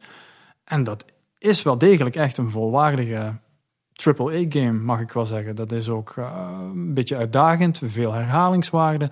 Nogmaals, ik, voor de duidelijkheid, ik heb het niet gespeeld, maar het, het klinkt in elk geval wel alsof, hey, hier, eh, hier is wel wat mee gedaan. Hier is iemand voor gaan zitten en heeft echt een spel gedeveloped. Hier is echt een, een spel uitgekomen dat op zichzelf staat, waarvan je een zekere herkenbare IP hebt, maar waarvan je ook echt ziet van, eh, hier, hier heb je een herhalingswaarde in, hier, zijn, eh, hier is een, een, een zekere warmte in aanwezig. Je wilt dit spelen als je, de, als je de achterkant van de doos leest, bij wijze van spreken, of je hoort het pitch van de game, is wordt de grootste slechterik. Ah, hoe doe je dat? Ja, je gaat, je gaat helden opzetten tegen anderen. Je gaat gewoon zeggen, hey, Aladdin, ga voor mij een beetje eh, Ursula of Jafar pesten. En terwijl eh, bijvoorbeeld als, eh als Jafar moet je er eh, moet je dus voor zorgen dat je de wonderlamp in handen krijgt. Als kapitein Haak moet je zorgen dat je Peter Pan verslaat op jouw schip. En ondertussen leg je gewoon het vuur aan de schenen van de andere spelers. Ja, heerlijk. Ik bedoel, dit is bijna een binnenkopper. Zo, als je het hoort, denk je, ah, tuurlijk. Denk je, dat is eigenlijk een hele logische. Maar ik denk ook bijvoorbeeld wel, eh, wat ik zie ook bijvoorbeeld op de spellenbeurs. ehm, als bijvoorbeeld een, een Efteling naar een Yellow zou stappen. Hè, een Yellow is ook een, een, een spellenfabrikant. Die hebben dus recentelijk hebben die, eh, heel veel eh, spellen uitgegeven. Wat eigenlijk wel een beetje in de range past van hè, de jeugd, maar ook leuk is voor ouderen. Maar in, in sprookjesvorm, dus roodkapje. Oh, de- juist. Ja, ja, de- eh, de, de, de, de schildpad en de haas. En, Zou nou, het zo in boekvorm? Kan ja, het is dozen inderdaad- zien uit als ja, boeken? in ja, boekvorm. juist, en juist, eh, juist. weet je, het zijn hele kleine spelletjes, maar wel heel leuk om te spelen. Mhm. Zelfs ook met de rattenvanger van Hamelen. Hè, dus dan heeft ieder zijn eigen huis. En vervolgens krijg je dus dat de, de, de rattenvanger ehm, zeg maar langs je deur komt. Maar de ratten dus ook meeneemt. En daardoor gaat je level 1 omhoog. En nou, degene die de hoogste level heeft, die gaat dan uit het spel, zeg maar. Ja. En je moet dus zorgen dat je dus die ratten dus zeg maar verplaatst van, hè, van, eh, van Maarten naar, naar Paul. En, en, en, en proberen met kaart dat Oh, tof. heel, heel eh, te bewerkstelligen. En dat, is wel, dat, zijn, dat zijn hele leuke spellen die Ja. eigenlijk een stukje vertaling nodig hebben in het Nederlands. Misschien een Efteling sausje eroverheen. Ik weet niet of Ja. dat kan bij Yellow, maar Ja, ja, ja. dat zijn hele simpele dingen, maar wel heel erg leuk speelbaar. wel effectief. Ja, Ik denk dat het moeilijk is om dus een spel te verzinnen van grond af aan wat echt heel goed is en wat, wat wij zouden kunnen waarderen. Met een Eftelings thema. Dus dan zou het wel makkelijk of beter kunnen zijn om gewoon een bestaand spel te pakken en die dan om te katten. Ik denk dat het resultaat daarvan realistisch gezien hoger is. Denk of het beter ook. is. Ik, ik denk vanuit een, vanuit een zakelijk standpunt snap ik, zou ik die beslissing zeker snappen. Omdat in een, in een echt volwaardig spel ontwikkelen, als je echt met een game company aan de slag gaat. Ik denk aan een, weet ik veel, eh, eh, een, aan Amerika denk ik aan een Fantasy Flight Games. Of aan een, Ja. ik weet niet wel, echt zo die grote lui. Of zelfs aan, aan in, in het Europese vasteland heb je Triple Nine of 999 Games. Ik weet Ja, ook niet hoe je moet uitspreken. Eh, ja, dat zijn de grotere jongens en daar kruipt, gewoon, daar kruipt gewoon tijd en dat is gewoon research and development klaar. Als je echt zegt, ik wil met een nieuwe spellentopper komen en dat moet in onze, in onze kraam passen. Eh, ja, dat, daar, daar kruipt geld, dus tijd. In. Hè? Dus, En eh, dan is de vraag of het de moeite is voor de Efteling. Die, die, alhoewel die wel best goed weten denk ik wat ze kunnen wegzetten. Want die zullen een beetje weten aan de hand van de spellen die er nu rondzweven van dit doen die dingen. Misschien is het niet interessant genoeg, want dan zijn ze zo klaar. Maar ja, de vraag is, is het ook de core business van, Ja. van, van de Efteling? Waarschijnlijk niet, maar het is wel leuk om het hè, het Efteling gevoel mee naar huis te nemen. Ja, als je een spel hebt dat je dus wel wat, wat goede eh, replay value heeft en je speelt het regelmatig met je familie, dan is het iedere keer is het wel weer de Efteling die even op tafel komt te liggen. ja, dat En is als je waar. Absoluut. Niet net als ons regelmatig in het park komt. Ja, dan is daar gewoon de manier om eh, steeds weer even het Efteling lampje op te laten gaan. Ik denk, ik, ik was eh, zes en ik denk het de eerste bewuste herinnering wat ik heb aan een bordspel was dat ik voor verjaardag of Sinterklaas kreeg een spelletje genaamd Spookslot. Oh, heerlijk. En ik was door het dolle heen. Ik dacht dat ik een spel kreeg van het spookslot. Want ja, je bent zes, je, houdt van de Efteling, dus dat is het spookslot. En uiteraard was dat niet zo. Maar ik dacht in mijn kinderlijke verbeelding van, ah, daar komt vast ook wel een Fata Morgana spel uit. En niet veel later, oh, daar komt vast wel een eh droomvluchtspel uit. En noem maar op, en noem maar op, en noem maar op. Maar dat was niet zo. En ik denk dat heeft me op een manier wel altijd getriggerd van, ah, er moet wel een echt spookslotspel zijn. Een, echt gebaseerd op, op dat spookslot van de Efteling. Misschien is dit een mooi brugje naar de volgende stelling. Voor welke attractie zou je graag nog een spel zien verschijnen? Van veel. Hey, eentje kiezen. Als ik echt één mag kiezen, direct Fata Morgana. Zonder, zonder enige twijfel. Oké. Ja, dit, is een, dit is een gewetensvraag hoor, Paul. En voor mij ook, maar eigenlijk, ja. Ja. als ik toch echt, echt één moet kiezen, dan direct voor mijn favoriete. Echt Fata Morgana. Ja, ik denk het ook wel. Ik denk het ook wel. ja. Ik zou denk ik dan voor Bron 1898 gaan. Ah ja, toch? Ja, omdat qua thema spreekt me daar wel aan. Ik denk dat daar wel veel mogelijkheden heeft. Juist. Gewoon eh, met mijn eh, bouwen en eh, gangen graven. En een beetje waar we net al over zaten te brainstormen. Klopt, klopt. Ja. En dan gewoon de vormgeving kan ik me helemaal voorstellen met dat groen en... eh, Oh, zeker. Ja, dat is echt wel tof Absoluut. volgens Ja. Ja. En dan heb je veel tactische mogelijkheden mee. En ja, je hebt, zoals we zeiden, je hebt een wildcard factor met Ja, een de wieven en enzovoort. De enige opmerking die ik daarbij zou hebben is, het is nogal, net zoals Vliegende Hollander, een afgeleide van iets dat we al kennen binnen de Efteling, namelijk Villa Volta. ja, dus- ja. Dan, heb je, dan moet je echt zorgen dat je echt iets, iets doet met dat mijngedeelte en dat je dat uitspeelt eigenlijk in, in je spel. Dus je gaat, je gaat schachten bouwen en je gaat, je, gaat, je gaat diepere gangen graven, maar je kan ook verleid worden door het goud. En, enfin, Ja, ja als ik, als ik kijk, moet kijken naar Fata Morgana, ik ben zelf heel erg weg van eh, Arabian Nights. Oh, dat is van, eh van Z-Man Games. Nou, jij, Ja. jij kent het wel, maar voor de mensen die het niet kennen. ehm, de bedoeling is, is dat jij... ehm, ehm, eh, je hebt de storypunten en destinypunten. Nou, iedereen kiest van tevoren een hoeveelheid storypunten en hoeveelheid destinypunten. En je gaat gewoon over het bord lopen. En elke keer dat jij in een stad belandt of in een, op een vakje eindigt, uh, krijg jij een soort van encounter. Dus met een, uh, dat kan met een geest zijn, dat kan met, met een persoon zijn, dat kan met een object zijn. En daar heb je dus een hele reactiematrix die eraan vasthangt. En dat verwijst dan weer naar uh, bijna 2000 of 2200 verhalen. Zo. Die, waarbij je dus dan dat het verhaalstukje uh, wordt voorgelezen door een ander. En eigenlijk, als je met de drieën speelt, dan is iedereen elke ronde wel bezig. Mm -hmm. Dus ook ja, dat, dat spel, ik weet niet hoe jij, hoe jij het ervaart, maar het kan ook twee uur rustig duren. Oh, zeker. Maar je, je hebt niet het gevoel dat je twee uur bezig bent. Maar ik zou dat heerlijk vinden voor een Fata Morgana. Maar ja. dat is wel meer de, voor de diehard boardgamers. En dan denk ik dat je toch wel meer praat over... ik neem een bestaand concept en ik reskin het naar Fata Morgana. Ja, in dat geval wel, ja. ja. Maar...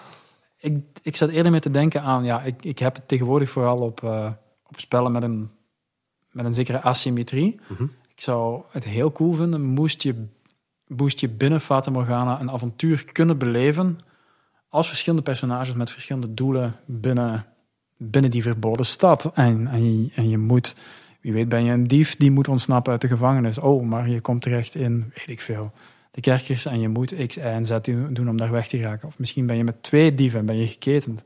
En dan heb je aan de andere kant één andere speler speelt een groep van wachters. En echt ook tien wachters. En die zitten ja. achter jou aan in die stad. En zo kun je ja, rollen is... invullen die, die tegenover... Ah, ik, ben, ik ben weer aan het losgaan. nee, maar het, het, ja, het, het, kan wel een heel tof thema zijn. Ja, ik denk, dat er, ik denk absoluut dat je daar met, met, met, met die spanning die je, die je ervaart tijdens de sfeer van Fata Morgana, dat je heel veel kunt doen. Dat je echt heel veel kunt doen. Nou, ik denk dat we de volgende eigenlijk wel een beetje hebben behandeld. Welk bestaand spel zou perfect een Efteling sausje kunnen krijgen? Ja, nou, Arabian Nights dan blijkbaar. Ja, zeker, absoluut. Ik denk dat saboteur zou dus kunnen. Saboteur zou kunnen. En ja, naar mijn mening iets in de aard als stenen tijdperk zou ik ook niet erg vinden. Dat is een wat onthaastender spel, denk ik. Wat, uh, maar uh, desalniettemin, ja, zie ik zeker, uh, zie ik zeker brood in. Is ja. Spookslot nog om te bouwen naar een echt spookslotspel? Oh, ja, vast. ja. Kan, je, kan je, als je het goed doet, kan je dat, kan je dat vast doen. dan moet je die centrale toren moet je, moet je omvormen naar die afgebrokkelde kasteeltoren. Dan moet je misschien kijken of je die vier verschillende zones min of meer kan indelen naar de gangen en de hoofdschouw van het spookslot. Sure, kan je allemaal doen. Betrek ijzige ijsbrand er misschien in. Zet, zet er een rol weg voor, voor de heks op de brandstapel.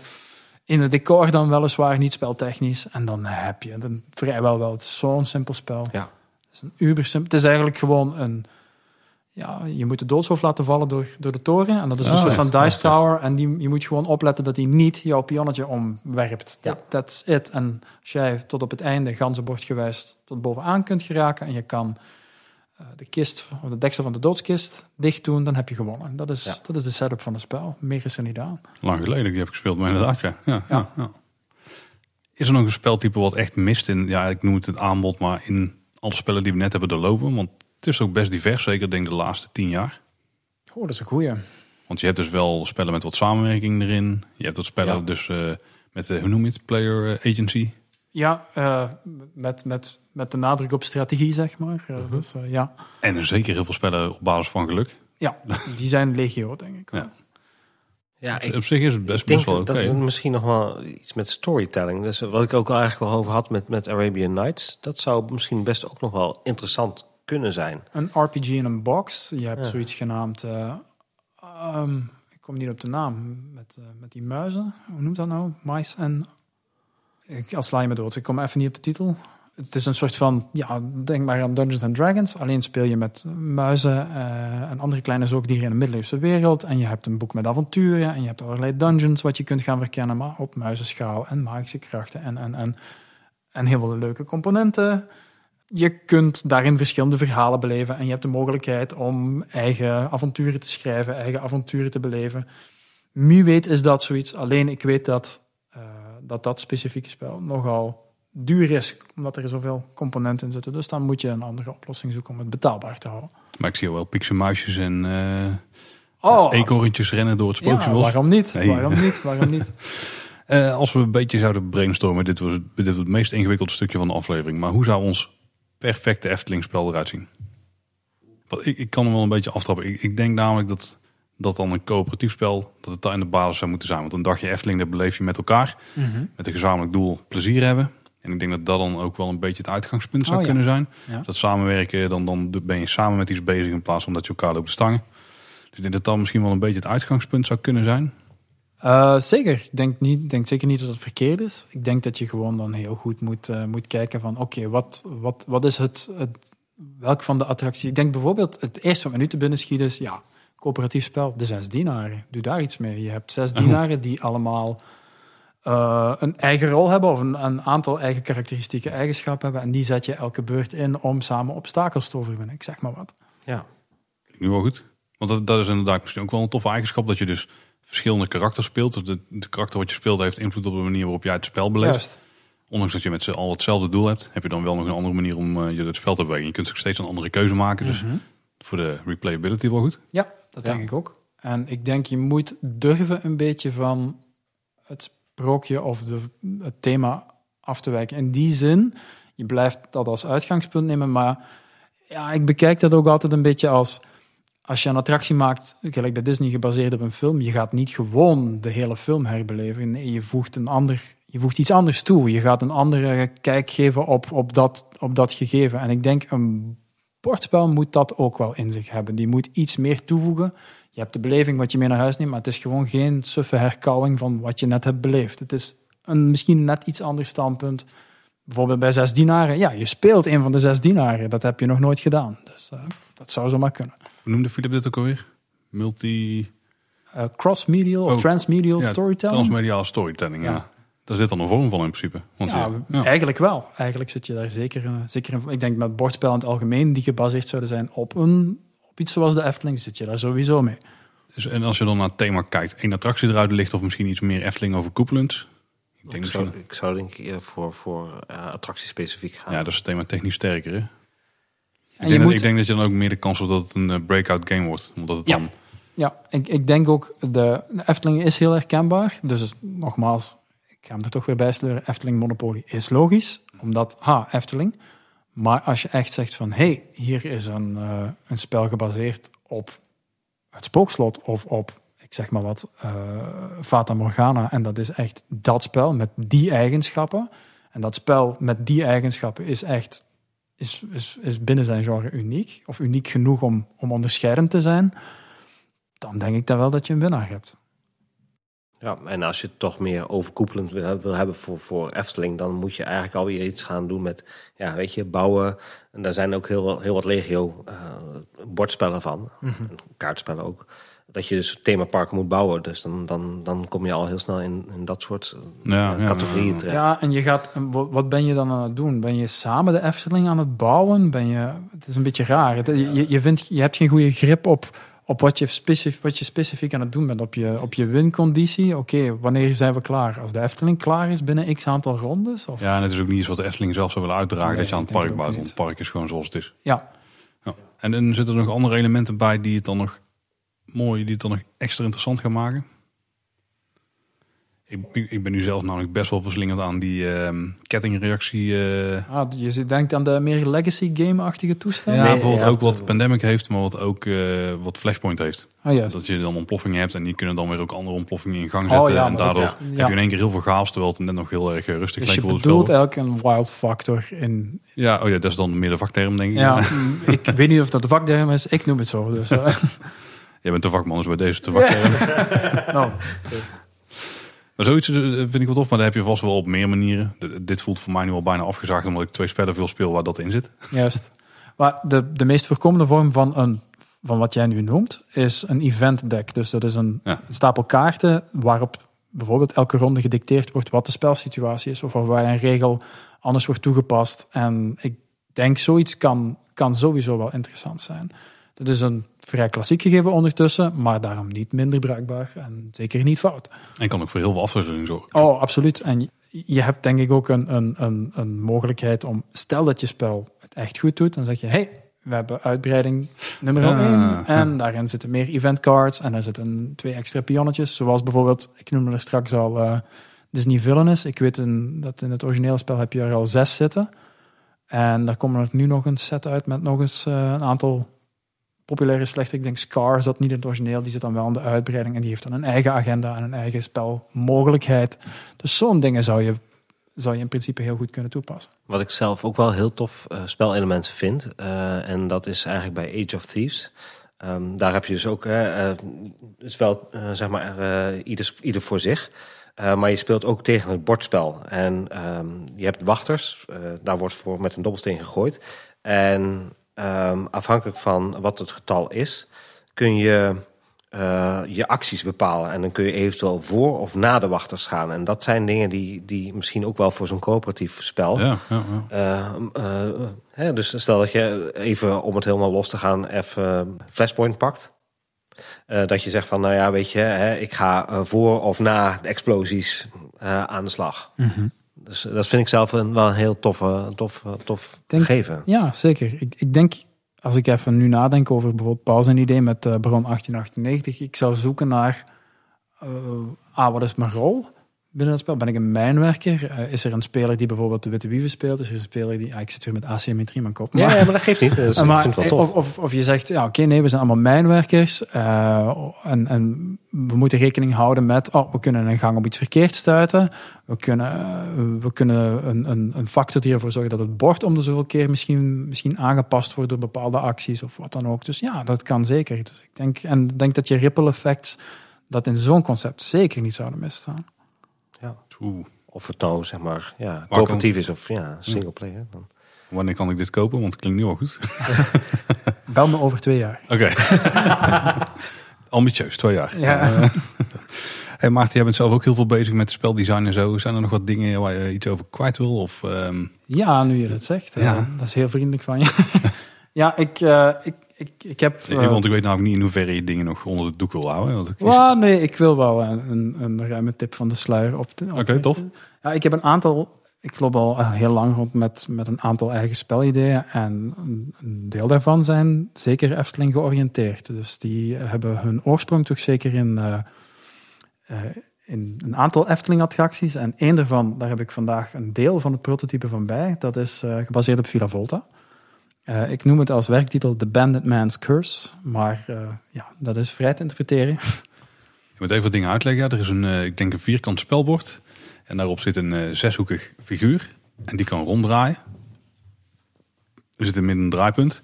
En ja, een zeshoekig voorwerp wat kan draaien. Wat denken we dan aan, Marvin? Ja, de woonkamer hè? Ja, dus de constructie rondom de woonkamer natuurlijk. Juist. Dus ik heb wel geprobeerd om een beetje te kijken naar wat is een beetje de geschiedenis niet alleen van het verhaal van de attractie en dergelijke meer, maar ook van goh, hoe, is die, eh, hoe is die opgebouwd en wat is logisch om mee aan de slag te gaan als, als speler.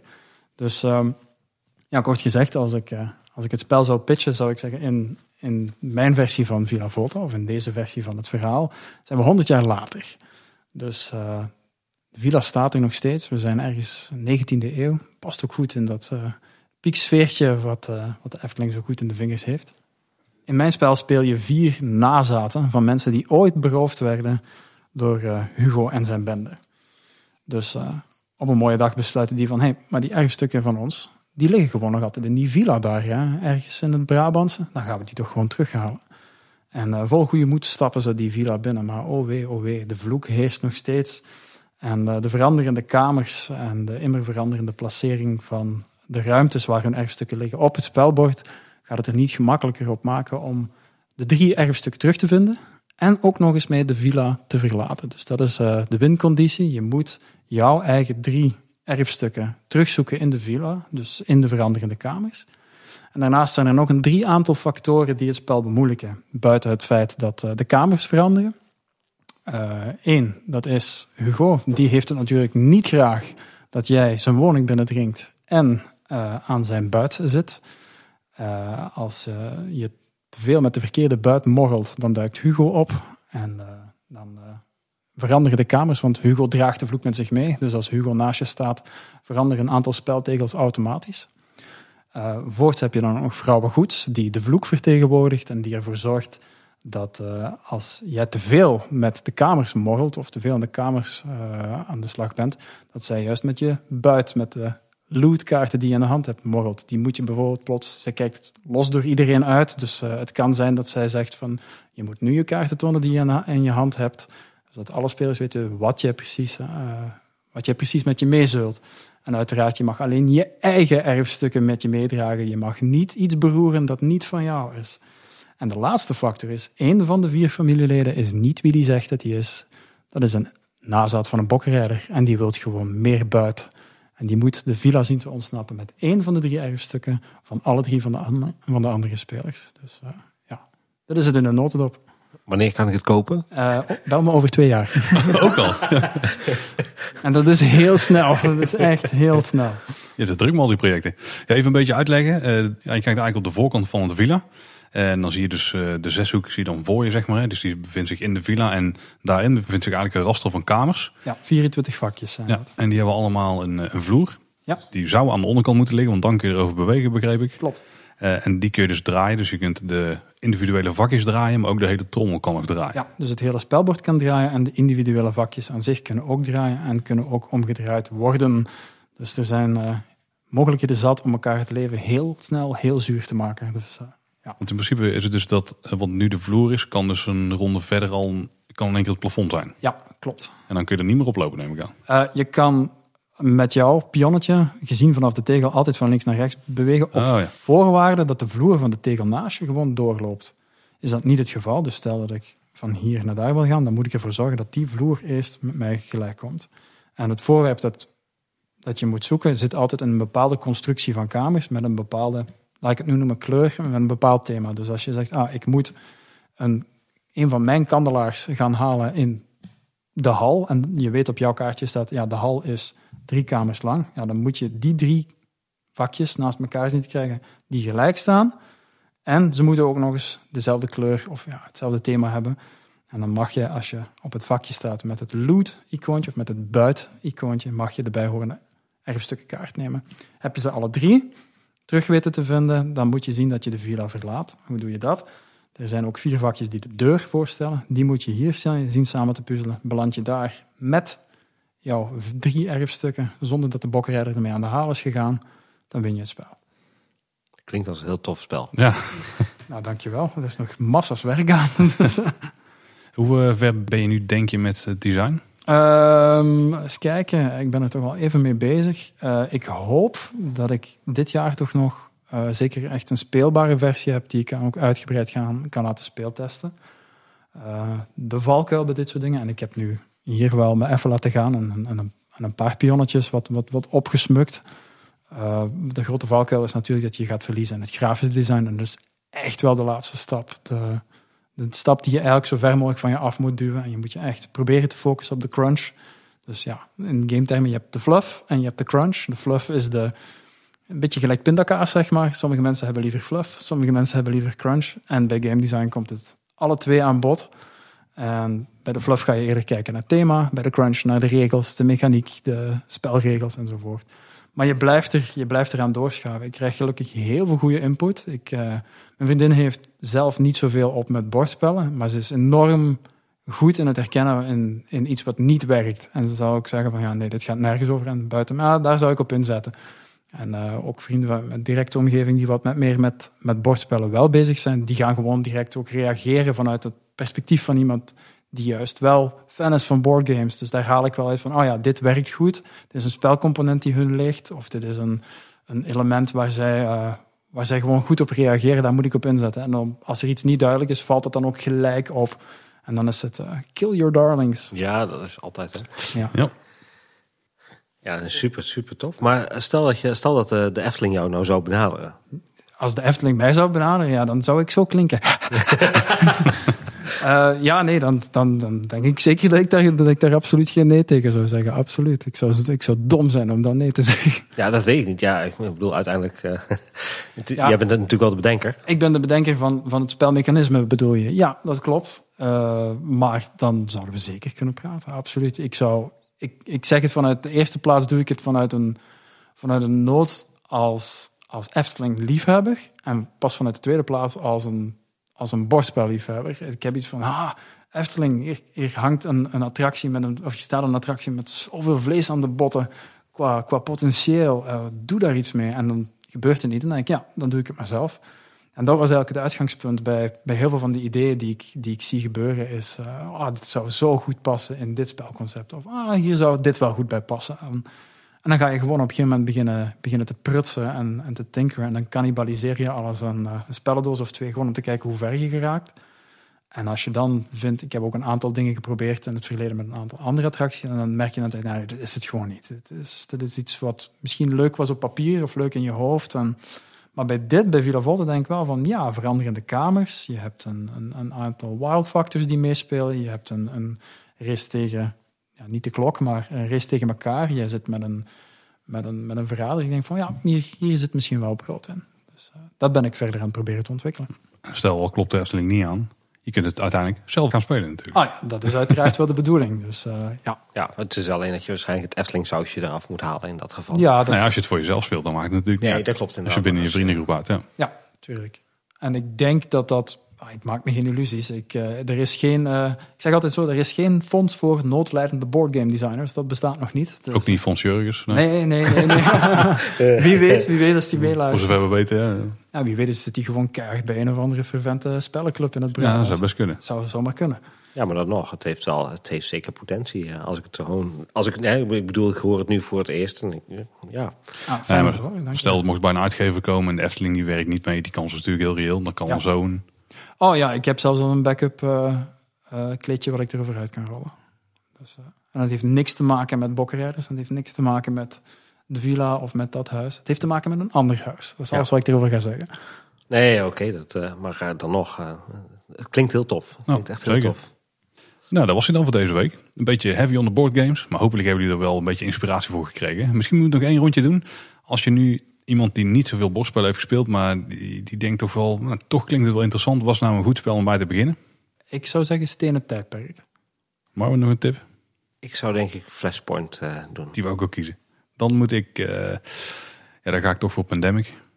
Of misschien wel Carcassonne. Dat is ook wel ah, Carcassonne denk ik ja. is wel een goede. Ik, ik gok ook wel dat die tegenwoordig naast Ticket to Ride, ja, daar naast Catan wel in de meeste bordspelkasten ligt. Ja. Wat ook nog een tip is bij die, er is ook een hele goede tabletversie van. Dus als je een iPad ah. hebt of een Android tablet op vakantie ideaal. Want je hoeft alleen maar, die tablet heb je waarschijnlijk toch bij. Ja. Kan je mooi op de bank het spelletje doen. En dan is het gewoon een kwestie van apparaat doorgeven. Afkijken bij de andere kant toch niet. Ja, dus uh, werkt, uh, werkt heel goed. Ja. ja. En zoals ze al zeggen, play more games. Altijd. Maar dan moet je geen podcast beginnen. Dan heb je daar geen tijd voor. dat is waar. nou, dat was hij dan dus echt voor deze week. Heb je zelf nog een mening over een van die spellen die we hebben behandeld? Want ja, we hebben ze niet allemaal zelf gespeeld. Maar we vinden het wel tof om dat te laten horen aan de rest van de luisteraars. Dus heb je een klein reviewtje of zo? Nou, dan kun je het op verschillende manieren onze kant op sturen. Kan natuurlijk via Twitter. Daar zijn we Edka Boodschap. Via Instagram of Facebook, daar zijn we Kleine Boodschap. We hebben een website, kleineboodschap.com. Daar hebben we een contactformuliertje. Dat is wel makkelijk als je iets meer wil vertellen. Dan kun je daar heel veel kwijt. Of je stuurt gewoon een mailtje naar info Kleine Boodschap. En uh, wat we ook wat kunnen waarderen is als je een review achterlaat op Apple Podcasts. Dat was hij. Tot de volgende keer en houdoe. Salut hè. Houdoe waren.